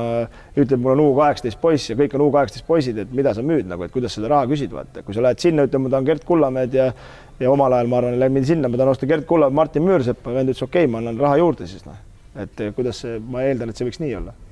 Noh, eks, eks mingi tõde seal ikka on, kindlasti, Marko, raha ei ole kerge leida, ma arvan, Eesti korvpallis, spordis üldse aga kui mu mälu mind nüüd ei peta, Tartu Bigbank võrkpalliklubi kolm aastat viissada viiskümmend tuhat, et et sinna seda raha on kuidagi leitud, nüüd lähevad, ma saan aru, ka meistrite liigat võrkpallis mängima, kaldume küll teemast veidi kõrvale, aga, aga point jääb nagu samaks. et ega Pärnus on ju ka võrkpallimeeskond. eks no eks seal ongi, nagu Priit mainis, see sisekonkurentsi tüli ka seal omavahel seal visatakse kaikaid kodarasse. see ei aita edasi. jah, et võib-olla ei ole mindud ka nii hästi edasi, kui on planeeritud, ehk mingi nägemus on olemas, on ju, et kuidas võiks minna, aga sealt kuskilt on mingid äh, astmed vahele jäänud, et ei ole ka piisavalt palju neid oma kohalikke mängijaid, et järelkasvu poole pealt, keda sinna juurde rebida.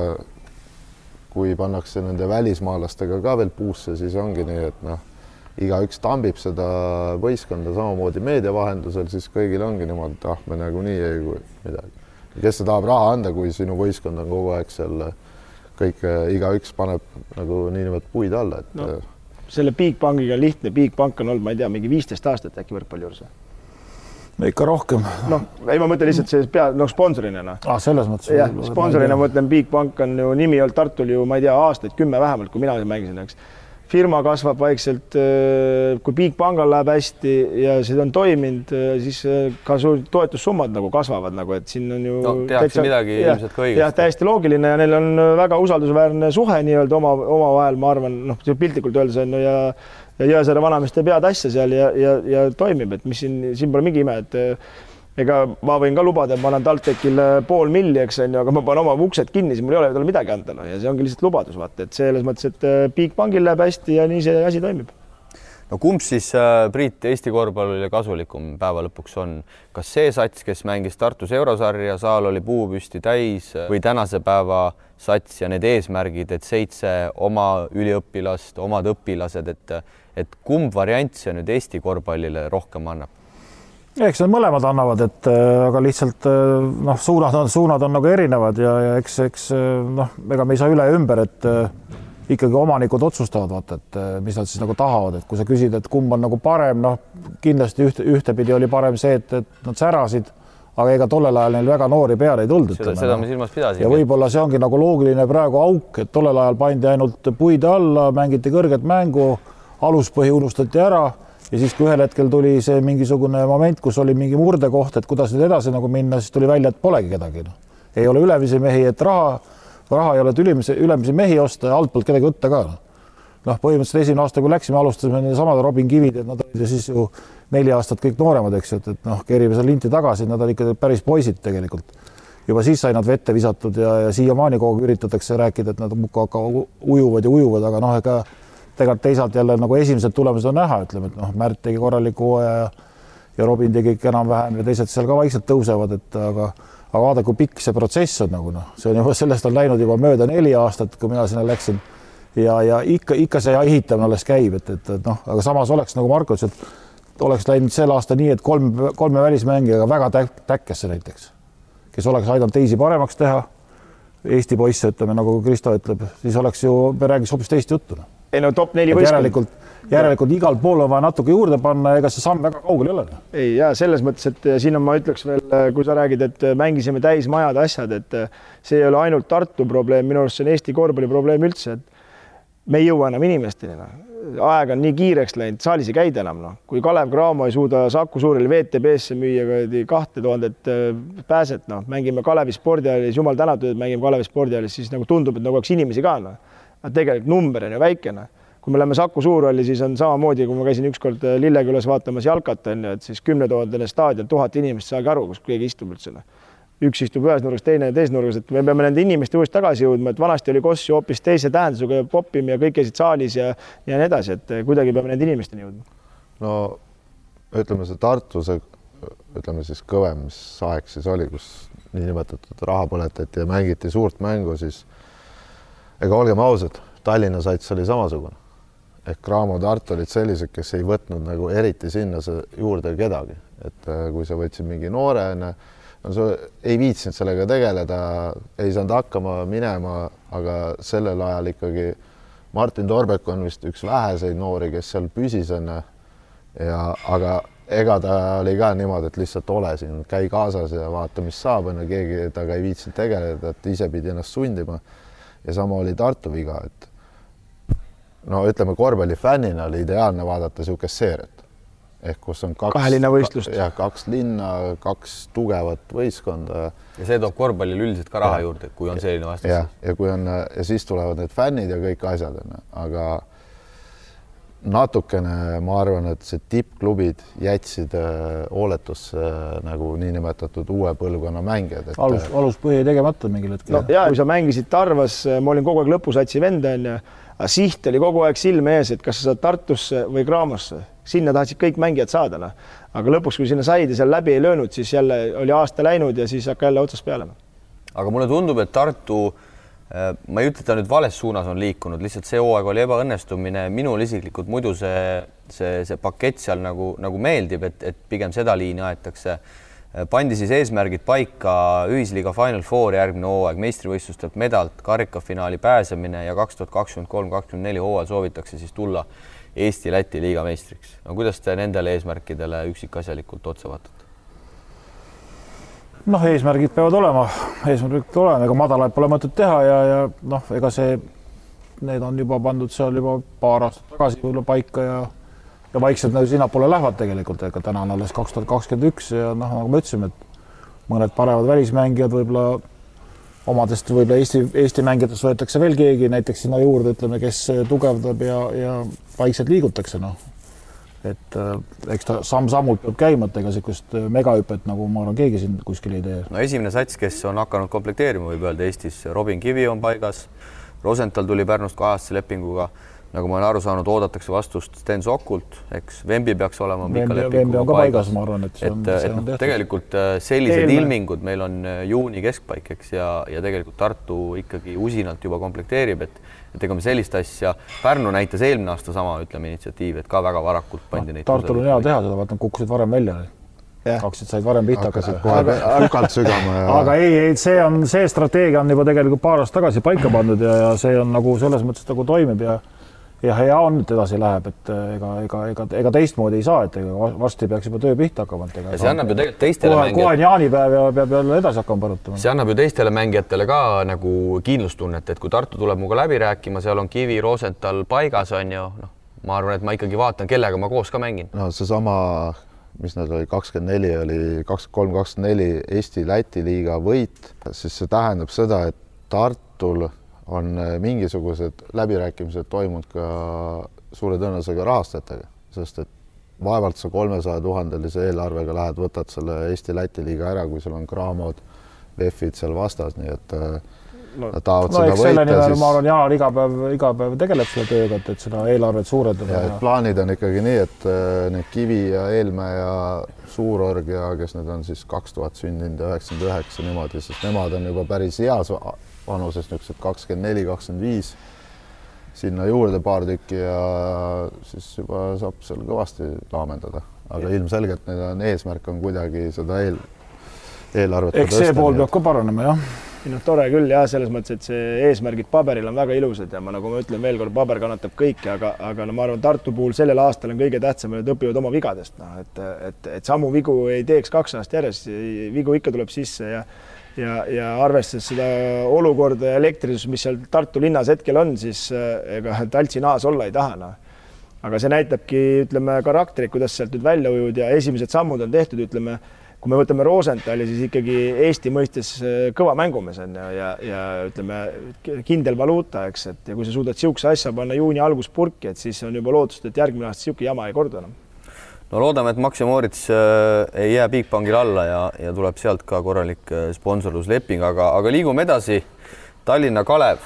uh., Tallinna Kalev ja, ja minu, minu esimene küsimus kohe, kas Andres Sõber tuleb siis tõesti suurde mängu tagasi? mina kahtlen. leht kirjutas ega me ei hakka nüüd lehte ei valeta ju paber ei valeta jah. leht ei valeta jah, et, et Andres tahab ilgelt tulla tagasi ja, ja, ja tahab Rakverest tegelikult treeneriks hakata, aga Rakverest äh, väga ei taheta teda vist võtta, nagu ma olen aru saanud, see on lihtsalt jutt, mida ma olen linna peal kuulnud, et see. sina ei taha teda Andre, ei, Andres, ei Andrese käest ma seda kuulnud ei ole, aga ma olen kuulnud, et ikka pakub ennast väga hoolsalt ja, ja tahab Rakveres hakata uuesti toimetama, aga, aga see uks on hetkel ikkagi veel natukene praak kinni tema jaoks, et äh, aga no Tallinna Kalev, ma ei usu selles mõttes ta võib tulla ja kõik, aga seal ei muutu midagi selles mõttes, et. Äh, seda, seda ma ei küsinud. et, et lihtsalt nagu võtame puhtfüüsiliselt, et, et äh, kuuekümne viie aastaseks Andres või oli juubel ju meil ja, ja, ja Padaorust on äh, Lasnamäele kenad niisugune sada kolmkümmend kilomeetrit, et. no sa tead hästi seda liini. jah, ja, ja, ja, ja Andres ei ole kuskil mingi võõras kohas magajana see sõitmine ja, ja miks ta seal ka Tarvas, ütleme, see lõpuosa natukene nagu lonkama läks, sest et tervis ei lubanud, eks võib-olla on paremas seisus praegust, aga ta hea meelega ei sõitnud Liepajasse ja Kaunasesse sinna Balti liigat taguma, mis meil sel ajal oli veel, et et see lihtsalt tundub, Andres on ülikõva ja äge vend ja, ja kindlasti ta värvistaks seda ja, ja teeks oma asja, aga, aga tundub natuke nagu ebareaalne. aga mulle tundubki, et teades Andrest, ei ole temaga küll rääkinud, aga ma arvan, et ta oleks selle asja kohe vastu võtnud, aga ma arvan, puhtalt see sõitmine Tallinna ja Padoru vahet, et see, see füüsiliselt võib, võib osutuda ikkagi natuke liiga kurnavaks. ja ma mõtlengi, et ega no süda tal tuksub ju korvpalli jaoks ja ise ta on palju mänginud ja ta tahab seda teha ja tahab selles asjas sees olla ja, ja, ja ja möllata ja tal on kindlasti oma karakter ja, ja kuigi nüüd on juba robotmuru niidukid, siis neid katkiseid niidukeid on Eestis küll, et tema on ju nende remonditöökoja väljamõtleja ja tegija, et aga näeme noh no kas äh, Andrese tulek äh, oleks Eesti korvpallile hea, Eesti meistriliigal oleks see hea, kui ta tuleks? no värvi annaks see kindlasti juurde, selles ma arvan, et me ei, me ei kahtle keegi. ja särtsakaid väljaütlemisi ja peale igat mängu onju, et aga ma arvan, et see, see kõik ongi see, üks on see sõitmine ja see on ja siis teine on see, et pidevalt meedias olemine lõpuks on, kes kus kritiseerib ja samas, kui ta on ju Tallinna Kalevit vaadanud ka, et kui seal on niimoodi, et mehed käivad ringi ratastena ühest uksest sisse, teisest välja, et sa ei saagi aru lõpuks, keda sa, sul ei jää isegi nimed meelde, kes seal satsis olid, et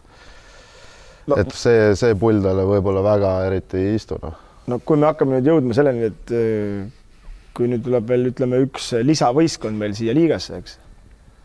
kellega see Tallinna Kalev üldse mängima hakkab? Kes sinna üldse mängima tahab minna või kes seal mängib või siis ongi seal vaja niisugust Andres Sõbra-suguse venda, noh, treenerit, kelle, kelle järgi need mängijad sinna tuleksid, noh.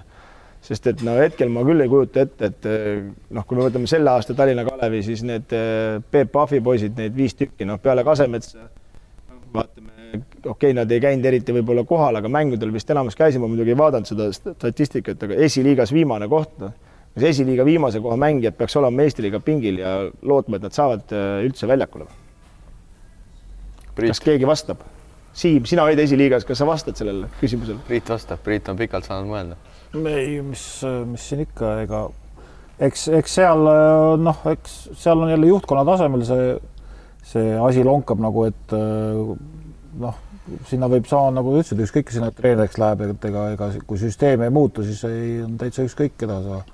keda sa seal nagu treenid, et nagu sa ütlesid, et nimesid käib nii palju läbi, et ei jõua meeldegi jätta, et et ma, ma ei oska nagu selles mõttes nagu kaasa rääkida, mis Andres nagu teeb või otsustab, et aga noh, kui leht kirjutas, et läheb, siis arvame, et läheb ja ja oleme, oleme nagu poolt. Et peale, ütleme peale Vembi ja Rossi, palun nimetage järgmised neli välismängijat, kes Tallinna Kalevis olid, ei oska elus öelda Vembi ja Ross on sellepärast, et Rossi me teame juba vanasemast ajast on ju, Vembi on Tartus on ju, aga McLaughlin oli ka, see on ka jäi siia töllerdama on ju, aga kes seal läbi käisid, kõik ei tulegi nagu ei tea elus noh. et äh, aga see selleks, võib-olla ei pandud täppi, aga, aga lihtsalt, aga samamoodi ma ütlen näiteks ise Tallinna Kalevis ka olnud mänginud, et et see võistkond selles mõttes on, on ka vajalik, ütleme kasvõi Kent-Kaarel Vene, kes käib tööl, on ju, aga Kossu meeldib mängida, on ju, saad seda ühildada, on ju, siis see on ka hea koht, on ju, aga, aga lihtsalt see tase peab kannatama selle terve võistkonnana nagu välja selle. selle, selle kohta mul ongi, et mis, mis nagu võistkonna eesmärk on, et ühed võib-olla juhtkonnas tahavad on ju Eestis finaali jõuda on ju, siis on, samas ma tean, et osad aastad ja nad ei treeni professionaalselt no. et ükskord päevas pool satsi käivad tööl onju, aga sa tahad jõuda kuhugi finaali, et no ma ütlengi, seal, seal oligi see, ja... seal oli seesama olukord, ütleme, kui mina mängisin seal viimati, siis mina käisin tööl, Vahter käis tööl, Tamm käis tööl, Saks käis tööl, Paiste käis tööl, viis venda juba kaheteistkümnest või noh, kümnest ütleme onju, käisid tööl onju ja, ja öeldi, et kõik on fun, mängime onju, noh ja siis tuleb Janson ütleb, et kuradi jobud saite pähe, võtate viiskümmend prossa palgast ära noh noh, siis keegi ennem ei öelnud, et äh, oleks siis ennem öeldud, et sa võtad ära, äkki oleks võitnud, noh, ma ei tea ju, noh, Pärnuga mängis, mäletan, et nagu nagu lihtsalt nagu lahmimist on liiga palju nagu, et, et aga no ega teisi õpetada pole elus selles mõttes, igaüks teeb omamoodi ja, ja, ja igaüks võtab vastutuse, aga siin ongi vaja nagu siis nii-öelda vastutus võtta. nii ja siia lõppu noh, kõik äh, märgid ja jutud küla peal räägivad, et äh, üks sats tuleb ikkagi meistriliigasse veel juurde ja nimelt siis esiliiga võitnud äh, korvpalliklubi Viimsi on siin minu teada juba, juba terve Eesti korvpalliga läbi rääkinud, pean silmas siis mängijaid, et. Äh, huvitav, maale pole küll helistatud. et kui, kui reaalselt te seda, seda kõike, kõike hindate, et, et Viimsi kaheksas sats siis on meil juures? sel ajal, kui sina puhkamas olid Austrias, siis äh, ma pidin selle suure töö ära tegema, et kommenteerisin esiliiga Final Fouri ja pärast mängu läksin välja ja, ja Viimsi mehed olid väga õnnelikud seal ja Valdo Lipsuga läksin välja, et niisugune kümneminutine jutuajamine oli ja, ja küsisin Valdo käest, et kas Tallinna Kalev on pakkumisi teinud, ta ütles, et ei ole. ma ütlesin, aga nüüd lähete ju Viimsiga üles, et siis on sul ju töökoht olemas, ei pea enam seiklema ja ja no pigem ütleme nii, et kaheksakümmend, kakskümmend, et oli ju tema jutust juba aru saada, et see on nagu kindel ja, ja tahavad minna nagu. Aga nüüd jälle küsimus, jõuame nüüd lõpuks jõudsime selle viimase võistkonnani, eks kaheksa korda kaksteist on üheksakümmend kuus, meil on üheksakümmend kuute korvpallurit, üldjuhul meil on kolmkümmend on välismaalased, meil on kuutekümmet korvpallurit vaja. no teeme viiskümmend, viiskümmend siis noh. mm,. jah, siis. tõmbame sealt veel maha, noh ikka, ikka midagi saab. et jah, et päris, päris tummin, et kui Eesti koondisest tahavad, ütleme Eesti koondise mehi tahavad saada kuus tükki, eks ma istusin Tarva, Tarva selle mänedžeriga istusin mingi kaks nädalat tagasi või mingi sihuke aeg, no mai lõpus seal üks tänavakorvpalliüritusel on ju, siis ma küsin ta käest, et võtame see Eesti kõik seitse satsi, et kellega sa järgmine aasta mängima hakkad, on ju. et mis mängijad sa nagu tahaksid mujalt saada, noh ja ainuke mängija, kes tal nagu oskas öelda, oli Maarja Paiste, no rohkem nagu tema rahakotile peale ei hakka ja, ja rohkem ta nagu nimes ei osake välja öelda, et siis nagu tundub päris kitsaline see elu. aga tuleme korra Viimsi juurde ja, ja tuleme võib-olla selle esiliiga finaali juurde, mida, mida siis Kristo kommenteeris, ma ei tea, kas te teised nägite, aga kui me vaatame seda esiliiga finaali ja selle taset ja seda Viimsi võistkonda, no siis sisuliselt tuleb täiesti uus võistkond kokku panna. no seal on äh, pingi otsa peal Rikberg on ju, on niisugune noor kutt oli seal natuke toimetas. Ütleme seal mingi kolm-neli venda nad saavad võtta sealt oma süsteemist. ja selles valguses vaadata, et Viimsi läheb nüüd meistriliigasse, ilmselgelt nad panevadki sisuliselt täiesti uue satsi kokku, kui nad sinna lähevad, aga, aga sisuliselt nüüd panna nullist meistriliiga võistkond kokku, no see on ikkagi väga raske. kui me, kui me, kui me nüüd võtame selle Viimsi käekäigu meistriks ka, siis see oli ju nagu tuhkatriinu lugu, et niisuguseid asju juhtub üks kümne aasta jooksul, et jälle meie sõber TalTech suutis nagu äh, no ebareaalne, et eh, sealt nad üldse Viimsi edasi sai, eks on ju, ja, ja kui nad juba edasi said, siis äh, mängisid nad Tartuga, kus nad said viimase sekundi viskega võidu, kus oli tegelikult kohtuniku eksimus Aare Alliku tunnistas seda ründaja viga ja sellest visati sisse on ju.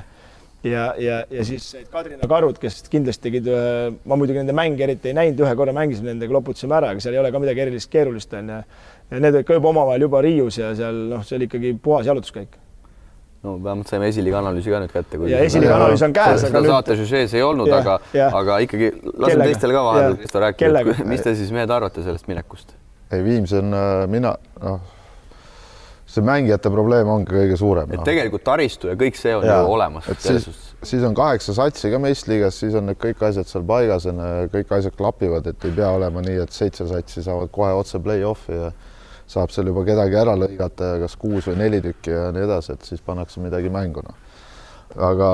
no ja ega tal oma, oma kasvandikke praegu seal on vist, ei ole ka eriti tulemas, sest et järgmine vanus on niisugune kaks tuhat neli, kaks tuhat viis, noh, niisugune kuueteist, seitsmeteist aastased, et noh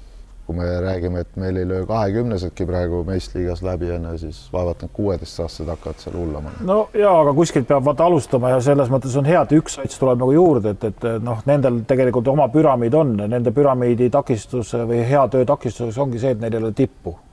ja noh, kui tipp ikkagi tekib, nagu me rääkisime Tartu puhul ka, siis see aluspõhi läheb ikkagi veel laiemaks ja tugevamaks, noh, tegelikult Ugu Toom on ju ka Viimsi, Viimsi kandist kasvanud, eks ju. Raiest on sealt tulnud, noh lips,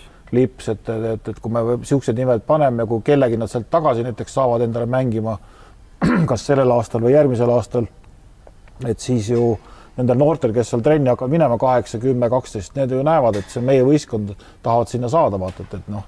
Viimsi suur kogukond ka, et, et selles mõttes nagu äh, nagu asjade loogiline käik, et nad on seda ju räägitud ja mitu aastat edasi lükatud seda teemat, aga noh, hea, et see ükskord nagu juhtub ikkagi, et mina olen nagu selles mõttes nagu no, mulle tundub, et me jõuame ikkagi oma jutuga sinna, et et äh, mingi sats peab ära kaduma. kas Tallinnas neljale satsile on piisavalt siis ruumi? no võib-olla antud hetkel ma mõtlen, muidu võiks ju olla tore no,, kui oleks kaheksa. siin ei ole ainult Tallinna mure, siin on ka teiste mure ka, pikalt oleme seda ju rääkinud, et aga aga noh, kuskilt peab neid peale ka hakkama kasvatama, eks ju, ja võib-olla siis tänu sellele mõne, mõndas, mõnel satsil läheb raskemaks, hakatakse nagu selle peale rohkem mõtlema, et, et alt kedagi nagu juurde kasvatada ise, et, et noh, keegi peab selle vaeva ära tegema ja nägema. siin ja. Äh, ma ütlen vahele vahepeal, et äh, Valdo Lipsuga rääkides äh, ma praegust pead ei anna, aga minu arust ta ütles niisuguse lause, et, et peame minema meistriliigasse, sest et muidu me teeme head noortetööd, aga me jääme kõigest ilma no Hugo Toom, enda, enda äh, nagu Audentesesse lähevad ära puudu, ja igale poole lähevad ära, et seal tegelikult on juba nendel tulnud üks neli-viis mängijat ja kui oleks oma võistkond üleval olemas olnud, siis oleks neid võib-olla seitse-kaheksa. ei, ei kindlasti see mõte on. et, et see on, on nagu õige ja, ja, ja nüüd ongi lihtsalt äh, nagu ma ütleks spordis üldse või siin korvpallis, et no võib-olla jätta Kalev Cramo ja need Tartud ja asjad välja, et äh, ega Rakverel on ka ju kehva seis, nagu see on nagu rohkem minu süda tiksub sinna, et, et kui nüüd õigeid otsuseid ei tehta, siis meil pole enam varsti võistkonda seal. et noori ei tule peale me maailmameistriks ei tule, kaheksat välismaalast pole mõtet võtta, esiteks pole raha, isegi kui raha oleks, pole mõtet võtta, see ei lähe kellegi korda, et siin lihtsalt ongi küsimus, et kuidas sa suudad kogukonnale selle vajalikuks teha, nagu südamesse minna ja nad käivad vaatamas nagu Raplas, et vahet ei ole, seal ei ole muidugi vahet, kas sul on välismaalased või eestlased on ju, aga midagi pead nagu kogukonnale tagasi andma, et just nagu noortele ma mõtlen, et neil oleks indu trennis käia ja, ja minu mõttemaailm on ikka sama, et kui mul on sada last trennis ja nendest üks tuleb Eesti liiga tasemel mängija, super noh ja kui üheksakümmend üheksa tulevad normaalsed inimesed ja elus terved inimesed ja saavad mingi karastuse kuskil, et see on ka väga hea tulemus. No Viimsi puhul on see, et et mitte mingil juhul nad ei tohi nagu ennast lõhki panna, et see peab olema niisugune järjepidev, et ei ole nii, et üheks aastaks tulid ja midagi laguneb ära või läheb seal, tahavad suurelt peale lennata ja siis lõpuks on nii, et jälle kuskil hakkad mingeid arveid klaarima ja pigem võiks ollagi niisugune, et step nad step. tulevad ja jäävad, et nad ei kuku või korvpalliliit, ma ei tea, kas see üleminekud on veel või ei ole, et mis iganes, kas nad tulevad täiesti oma noortega, panevad satsi kokku, aga et äh, keegi sealt nagu otseselt välja ei lenda, sest et ega esiliigast äh,, olgem ausad, sealt praegu ei näe küll kedagi, et kes võiks veel meistriliigasse tulla.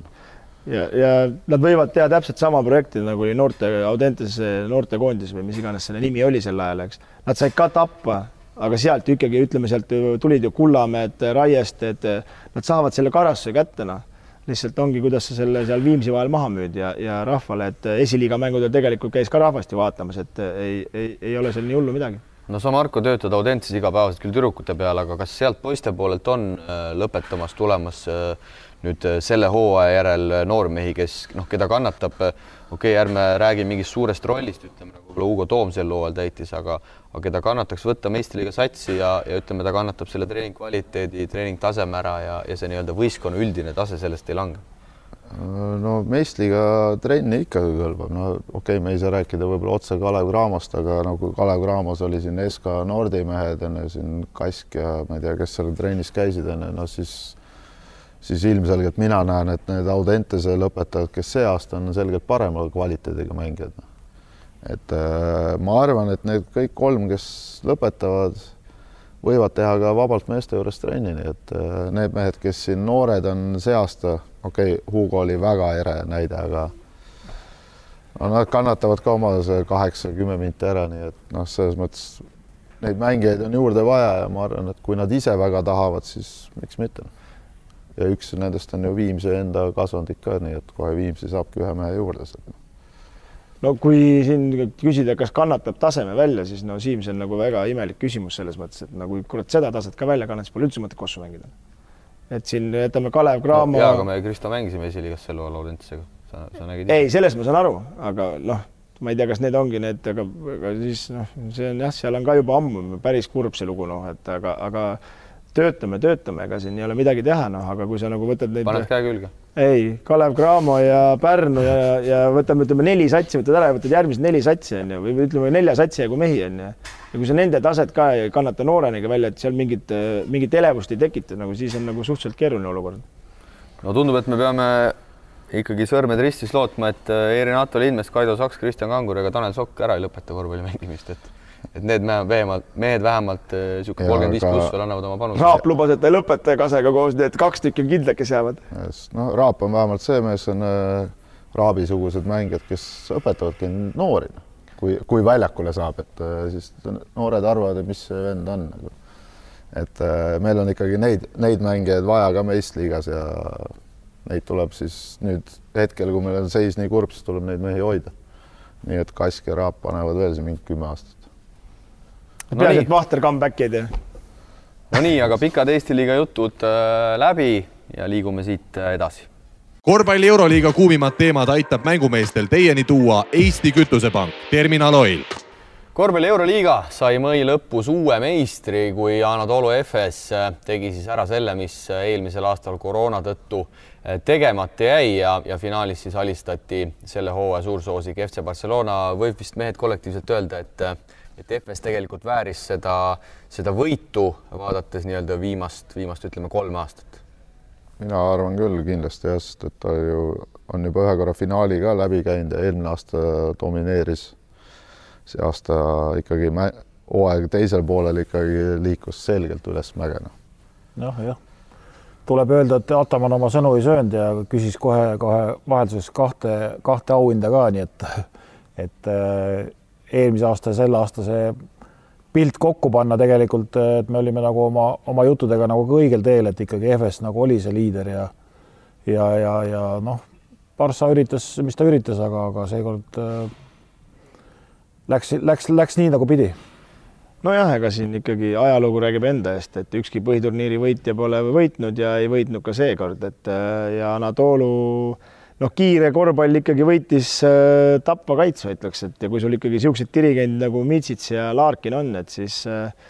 no mängisid paremini ka, et väga palju, mina kui Partsa austajana väga palju seal variante ei näinud ja, ja, ja seal ikkagi vahetatakse palju ja peab olema nagu kõik peavad õnnestuma, aga seal ikkagi mindi lati alt ka. ja võib vist öelda, et sel korral rünnak võitis kaitse. no ja ründajõust me ju rääkisime, et nendel tegelikult seda oli ikka väga palju ja ja, ja, ja ja Barca ei saanud nagu mingil hetkel nagu see mured olid neil terve hooaja juba, et, et mingil hetkel ei tule enda punkte kuskilt, et sa võid ju kaitses kõvasti pingutada, enda punkte ei tule ja tuntud ärakukkuja play-off ides Mirodis äh, näitas jälle sedasama, et, et ta suudab seda uuesti teha, et äh, see tegi nagu nende elu ikkagi nii palju raskemaks, et äh, ja, ja ja, ja, ja FS elu nagu kergemaks, ütleme, aga jah, selline tagapaar ikka tegelikult lõhkus, lõhkus selle aasta, aasta nagu Euro Euroliigas laiali. Jah, et kui eelmine aasta Larkin ja Mitsits ikkagi särasid terve selle põhiturniiri, kuni pooleli jäi, siis äh, sel aastal Larkin kukkus nagu rohkem ära Mitsitsiga võrreldes, aga, aga tähtsates mängudes on mehed olemas. ja noh, sellist pilti me ka tihti ei näe, et põhiturniiri MVP võtab ka MVP ära, et, et et see näitas ikkagi, et mees tegi ikka nagu terve hooaja, ütleme väga korralikult ja, ja Türgi meistritiitli võtsid ka ära, mitte lihtsalt, vaid ikka korralikud nätakad pandi ju Ülkerile, et äh,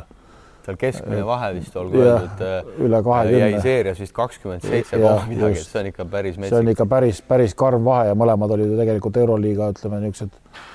ütleme ikkagi mehitatud poolest nagu tippsatsid, okei okay,, Ülkeril küll seal tabasid hädad seal lõpus, aga aga no ikka päris, päris korralik hooaeg oli selles mõttes jah. no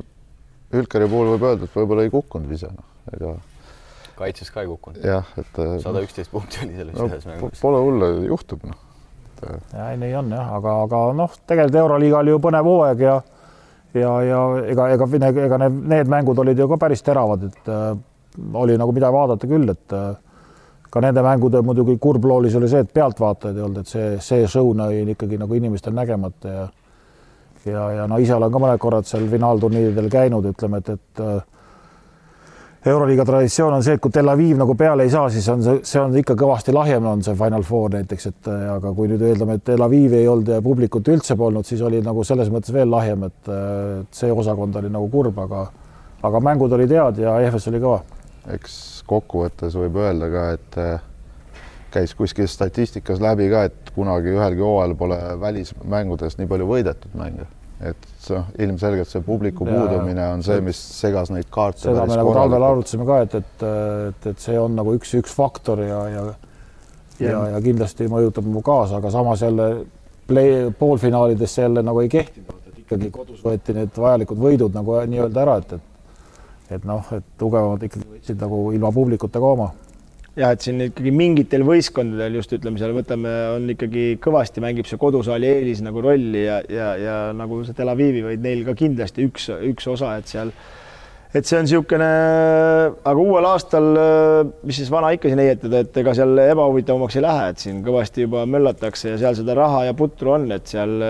kindlasti tuleb ka väga kõva ja järgmine aasta loodame, et rahvas ka saali no vahepeal on koos, koosseis ka ära, ära nagu selgunud, et kõik viimased, kes meil eelmine kord jäi rääkimata, et äh, Sven Zvezda sai, eks ju, peale ja, ja seniidi osas on ka üheksakümmend üheksa protsenti vist see otsus nagu tehtud, et. et wildcard läheb sinna. just. Kurb on muidugi selle juures, et Bologna, kes sinna väga tahtis saada, käkerdas ära seal äh, Ulepkapil ja, ja, ja, ja nüüd äh, paneb Milanot siin magama päris võimsalt, et finaalis kolm-null juhib ja Kokoškovi tool, kes tegi ju kolmas lepingu, pidavat ka juttude järgi värisema, et. no see vist, see vist ikka väriseb nii ära, et ega seda edasi ei jäeta, ma arvan, et, et. Et no jah, seal ongi vaata, et suurte, suurte meeste liivakasti mängud, vaata, et kui ühes linnas teed, et meil siin Tartu kukub ära, eks ei ole niisugust viha, et Cramole kuidagi Cramost mööda panna, eks siis seal on niimoodi, et kui see kõige viimane piis karikasse on see, et võidab Euroliiga ja siis paneb sulle kahekümne seitsmekümne nähvakaid ka, siis see nagu ei mahu kuidagi hinge, siis teed ükskõik mida, kus seda raha kokku saada ja, ja, ja võtta endale niisugused vennad, et järgmine aasta me veel teile näitame. Noh. eks need mängijad liiguvad, noh, neid spekulatsioone tuleb siin suve jooksul kõvasti, aga ma ikkagi olen positiivselt või vähemalt loodan, suur optimist, et äh, Zelko Obradovitši juba siin jahitakse ja Belgrad tahab teda endale saada, nii et äh, kakskümmend päeva pidi mees võtma endale otsustamisaega ja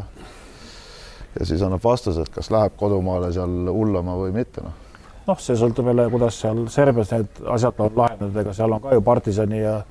Svena Zvesta sõda on ju käinud aastakümneid ja, ja kes on korvpalliliidu nagu korvpalliliidus olgu rohkem heas kirjas, need on seal alati tavaliselt äh, paremas seisus, et äh, seal käivad nagu niisugused taustamängud, aga eks, eks nad on tunnetanud praegu, et tegelikult Serbia korvpall on natukene nagu maha jäänud. ja võib-olla see on jälle üks niisugune, niisugune nagu hea samm üldises mõttes, et nad üritavad seda pilti nagu tagasi saada. ja, ja, ja, ja noh, tundub, et äh, finantsi on nagu ka tekkinud ja, ja võib-olla see vahepealne raske aeg on üle elatud, aga see on hea, et nagu neil sellised sihid on, et ja tegelikult ikkagi Serbia satse võiks kaks tükki rahulikult Euroliigas olla, sest nende stiil ja nende see mängujoonis on selline, mis, mis rikastab ikkagi seda Euroopa korvpalli. publik ja kõik. absoluutselt. aga seal. kahekümne tuhandene saal tegelikult äh, kahe satsi puhul on olnud ju aeg, kus, kus on triiki täis ja noh, ma olen ise oma silmaga näinud, kus saali sisenedes noored mehed esimese viie meetriga juba läbi põlevad, et et no juba näha, et siit enam mängu ei tule, et päris, päris karm efekt. aga seal võib taga olla ka Fenerbahce, et kui nad teevad Kokoskoviga üks-null, et ei soovi, siis võib juhtuda nii, et Selko läheb sinna tagasi, sest et ta reklaamis, et ta võtab ühe, ühe või kaks vaheaastat ja nii edasi, nii et äh, ma ei mataks ka seda maha, et Selko sinna tagasi jõuab ei, kindlasti võib jõuda, noh, ega, ega türklased jõuda, noh, selles mõttes vabatahtlikult ära ei saatnud, need oli mingisugune, mingisugune finantsteema seal väheke oli, mis need äh, tõmbas nagu allapoole, aga, aga noh, nendega juhtus tegelikult põhimõtteliselt nagu ütleme siin võib-olla siin Eestiski mõne satsiga, et, et mõned valed otsused, äh, rahasumma tegelikult natuke võib-olla vähenes, aga sellega oleks saanud nagu paremat mängu ka ikkagi näidata. aga noh, nendel juhtus nagu see koroona häda ka vaata täpselt lõpus, et, et kõik jäid haigeks, no kui peatreener ikkagi võistlustele sul Moskvasse ei sõida, no siis iga, iga võistkond äh, on natuke teistsuguse ja kehvema näoga, et, et, et nagu palju allpoisse langes ka kokku. abitreener oli muidugi väga särtsakas abitreener oli särtsakas ja ega nad tegid, tegid päris head mängud ja alustasid ju väga hästi, soengud olid paigas, kõik oli alguses toimis, aga pärast löödi löödi tukad viltu ja siis läksid kurvalt koju tagasi. nagu finaalseerias, aga üks üleminek, Marko küll ütles, et neid on palju olnud ja ega neil ei jõuagi järge pidada, aga Baskoonias siis peatreener äh, Duško Ivanovitš pikendas lepingut ja kas see võib nüüd tähendada, et meie Sander Raieste mängib järgmisel hooajal kuskil mujal? ei, ma ei usu, et see seda tähendab, et äh, ega Sander peab topelt ise, ise rohkem mees olema, aga aga Sander on noh, kui tal on nii pikk leping on tehtud, siis ta peab, peab nagu rohkem ikkagi tööd tegema, ise näitama, et, et mina ei usu küll, et Duško Ivanovitš mingi võtab nüüd kätte, hakkab Sander Raiestet nagu ekstra ekstra kottima, et, et eks seal see asi peab olema ikkagi vastastikune ja aga samas tundub, et sellist ikkagi klappi ei, ei olnud, et seal hooaja alguses ta oli küll ei, ärme unusta, vaatame selle ära, et ega noh, see, see Dekerski istus seal ka täpselt samamoodi seal päris mitu aastat enne, kui pildile sai ja sa pead ikka ise ka midagi tegema ja küll see klapp tuleb täpselt siis, kui sa hakkad kaitses mängima. aga võib-olla Sandril endal kannat, kannatus katkeb ja hakkab otsima. vot see on teine asi, siis, siis on juba, siis ei ole nagu rohkem midagi kaasa rääkida. ma ei oska eriti muud kaasa rääkida, aga see ongi, kui seal Sandril endal mune pole ja tahtejõudu üritust pole, mina teda ei tunne, et siis, siis see niipidi läheb jah, et aga, aga no kurat, pikka meelt noor mees alles no sellist juttu olen kuulnud, et tegelikult Raieste oli, läheb vist põlveopile, kuna ta vist treenis süstide najal. ja ta oli nagu siis treening kehas, sest et oli vaja valmistuda play-off ideks ja nii edasi, nii edasi, aga vist ei ole midagi väga tõsist, aga see on nagu põhjus, miks ta seal lõpus ei pääse nagu enam üldse löögile, nii et äh, mingite süstide abil oli seal kogu aeg pannud, ma ei tea, kas pool aastat või ma ei tea, kui kaua seal, nii et äh, see võib olla üks põhjus, miks ta ei saanud seal löögile no,. see selleks, aga no lihtsalt vaatab nagu perspektiivi mõttes, et et teistpidi on jälle Sandril nüüd ju teada, mis teda ees nagu ootab, eks ju, noh, nüüd ongi see valiku küsimus, kas sa tahad tööd teha või ei taha, et, et tal on teada, ega Duško Ivanov ennast ei hakka muutma, ega ta mingit süsteemi ka muutma ei hakka, noh. ma arvan küll, et, et selles mõttes noh, ei ole ju midagi nüüd üllatust, et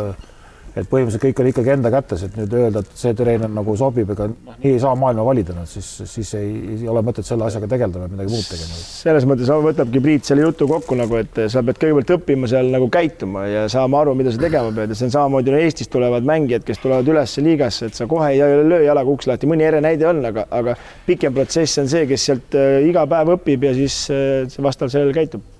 aga ei ole ka Baskoonial kerge siin ikkagi rahakamad klubid tahavad äh tahavad mehi üle osta, Pierre Henry siis äh, sihikul nii Fenerbahce'l kui CSKA-l ja Polonarat siis äh, soovib endale juba mainitud äh, Fenerbahce, aga, aga me tõmbame siit Euroliiga juttudele joone alla ja liigume oma saatega vaikselt edasi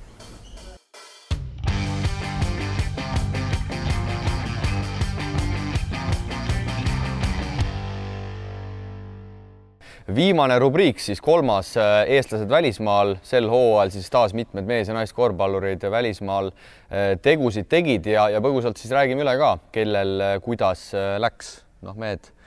siin ikkagi mitmed mehed suurliigades möllasid, möllasid paremini, möllasid kehvemini. kuidas hinnangud on? noh, Leedust tuli üle teke hea medal jälle.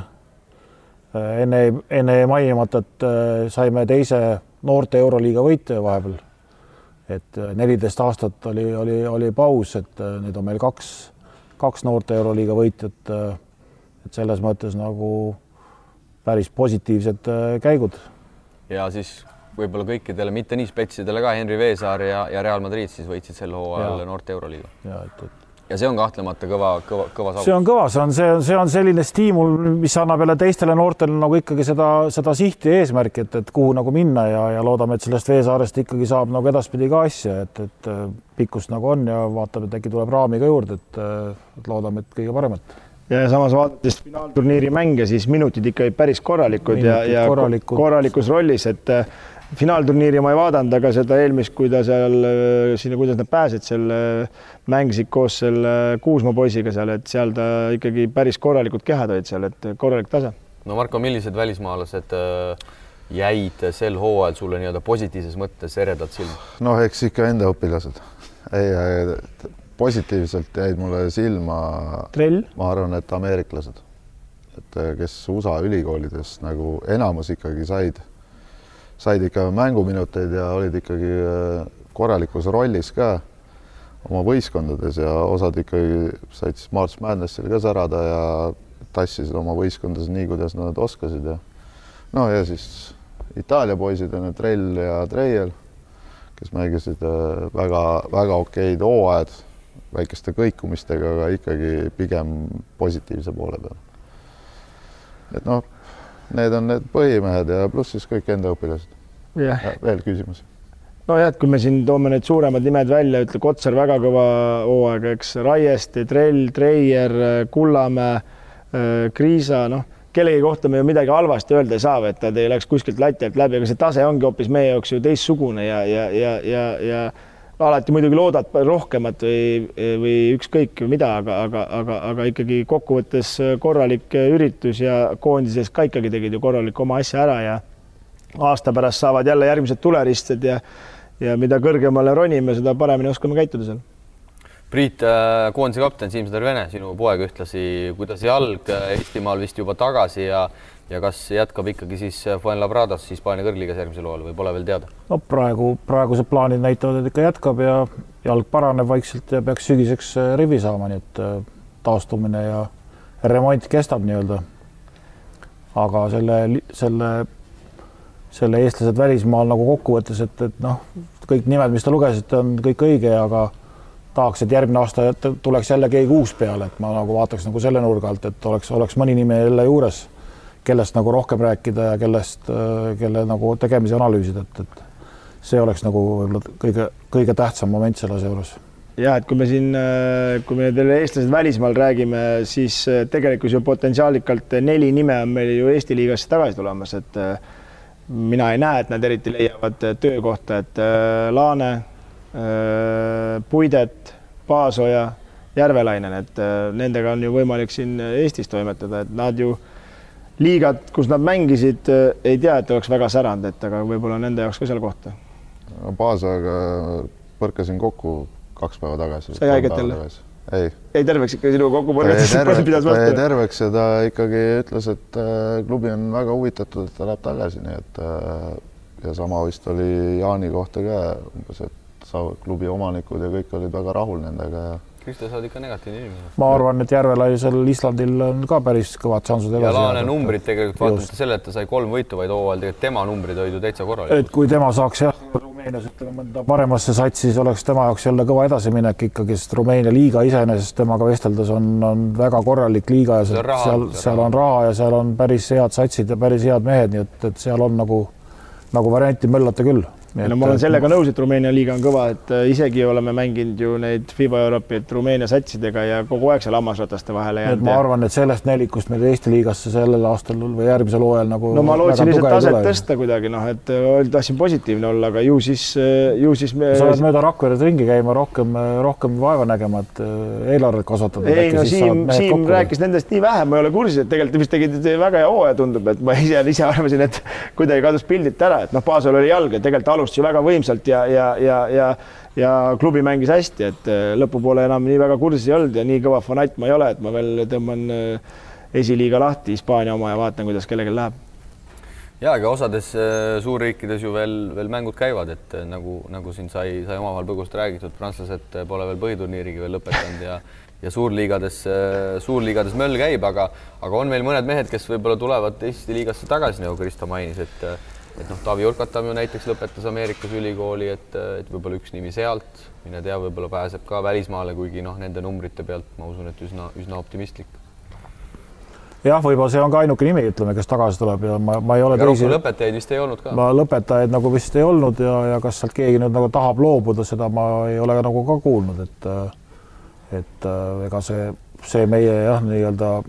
liiga olukorda ei paranda väga no oleme ausad, ega see maailm on ikkagi suur ja lai, et Eesti liigast paremaid väljundeid või, või rahalisemalt paremaid väljundeid on kindlasti võimalik leida, et lihtsalt on, mida hing tahab, et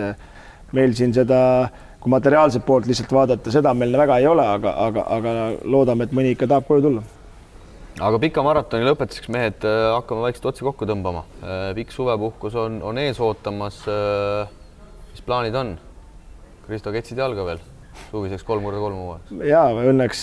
minusugustele mõeldakse igapäevaselt ikka kolm korda kolmes, et avati Lääne-Virumaa meistrisari, et esimese etapi võitsin ka, et kuskil saan ikka mingid, mingid medalid ja karikad olen koju saanud, et Eesti, üle-eestilist kindlasti ei taha mängida, et selle lollusega see eelmine aasta korralikult tehtud ja see hakkab pea pihta, aga mis siin muud, teeme tööd ja teeme tööd ja veame viljad ära ja siis vaatame, mis uuel aastal teeme. no Marko, kuidas sul puhata ikka saad? No natukene saab, eks siin mõtteid on igasuguseid, aga noh, eks ootan seda peale jaanipäevast korvpalliturniiri, mis siin Leedus ja Kanadas ja igal pool toimuvad, see olümpiakvalifikatsioon ja olümpiaturniiri ja käed-jalad tööd täis lõpus, kas teleka ees või spordisaalis, et aga no mingi puhkuse ma endale kindlasti otsin. ja Priit, sinul ma lasen lõpetada, kui ikkagi kõige, kõige tituleeritumal saateliikmel. noh, sellel suvel on jälle korvpall nagu väga-väga töine, ütleme, et ega kolm korda kolmega siin läheb, läheb päris, päris rajult ja, ja tegemist on palju, et äh, kahjuks, kahjuks on hästi palju vaja järgeaitamistunde teha, et, et see on nagu tegemata töö, nii et, et siin töö, töö ei lõpe selles valdkonnas, et, et äh, on, mille nimel, on millega vaeva näha, ütleme. kas sul on mingeid etteheited peatreenerile? ei, mul on paljudele treeneritele etteheited, et äh, ikkagi väga-väga-väga-väga algasjadega tuleb kahjuks tegeleda ja igapäevaselt näeme seda siin, et äh, nii tütarlastel kui noormeestel, et selleks on eraldi saadet vaja. et selleks on eraldi saadet võib-olla vaja, jah. aga ma tänan teid, mehed ja, ja mängumehed tänavad ka teid, head vaatajad, et te meiega selle pika hooaja vastu pidasite. soovime teile kõigile mõnusat suvepuhkust ja loodetavasti, miks mitte, kohtume juba üsna pea. korvpall on meie mäng, mille harrastamisel ja jälgimisel võib tekkida hea tuju ja tunne. enne saali minemist pea nõu sõbra või elukaaslasega platsil näeme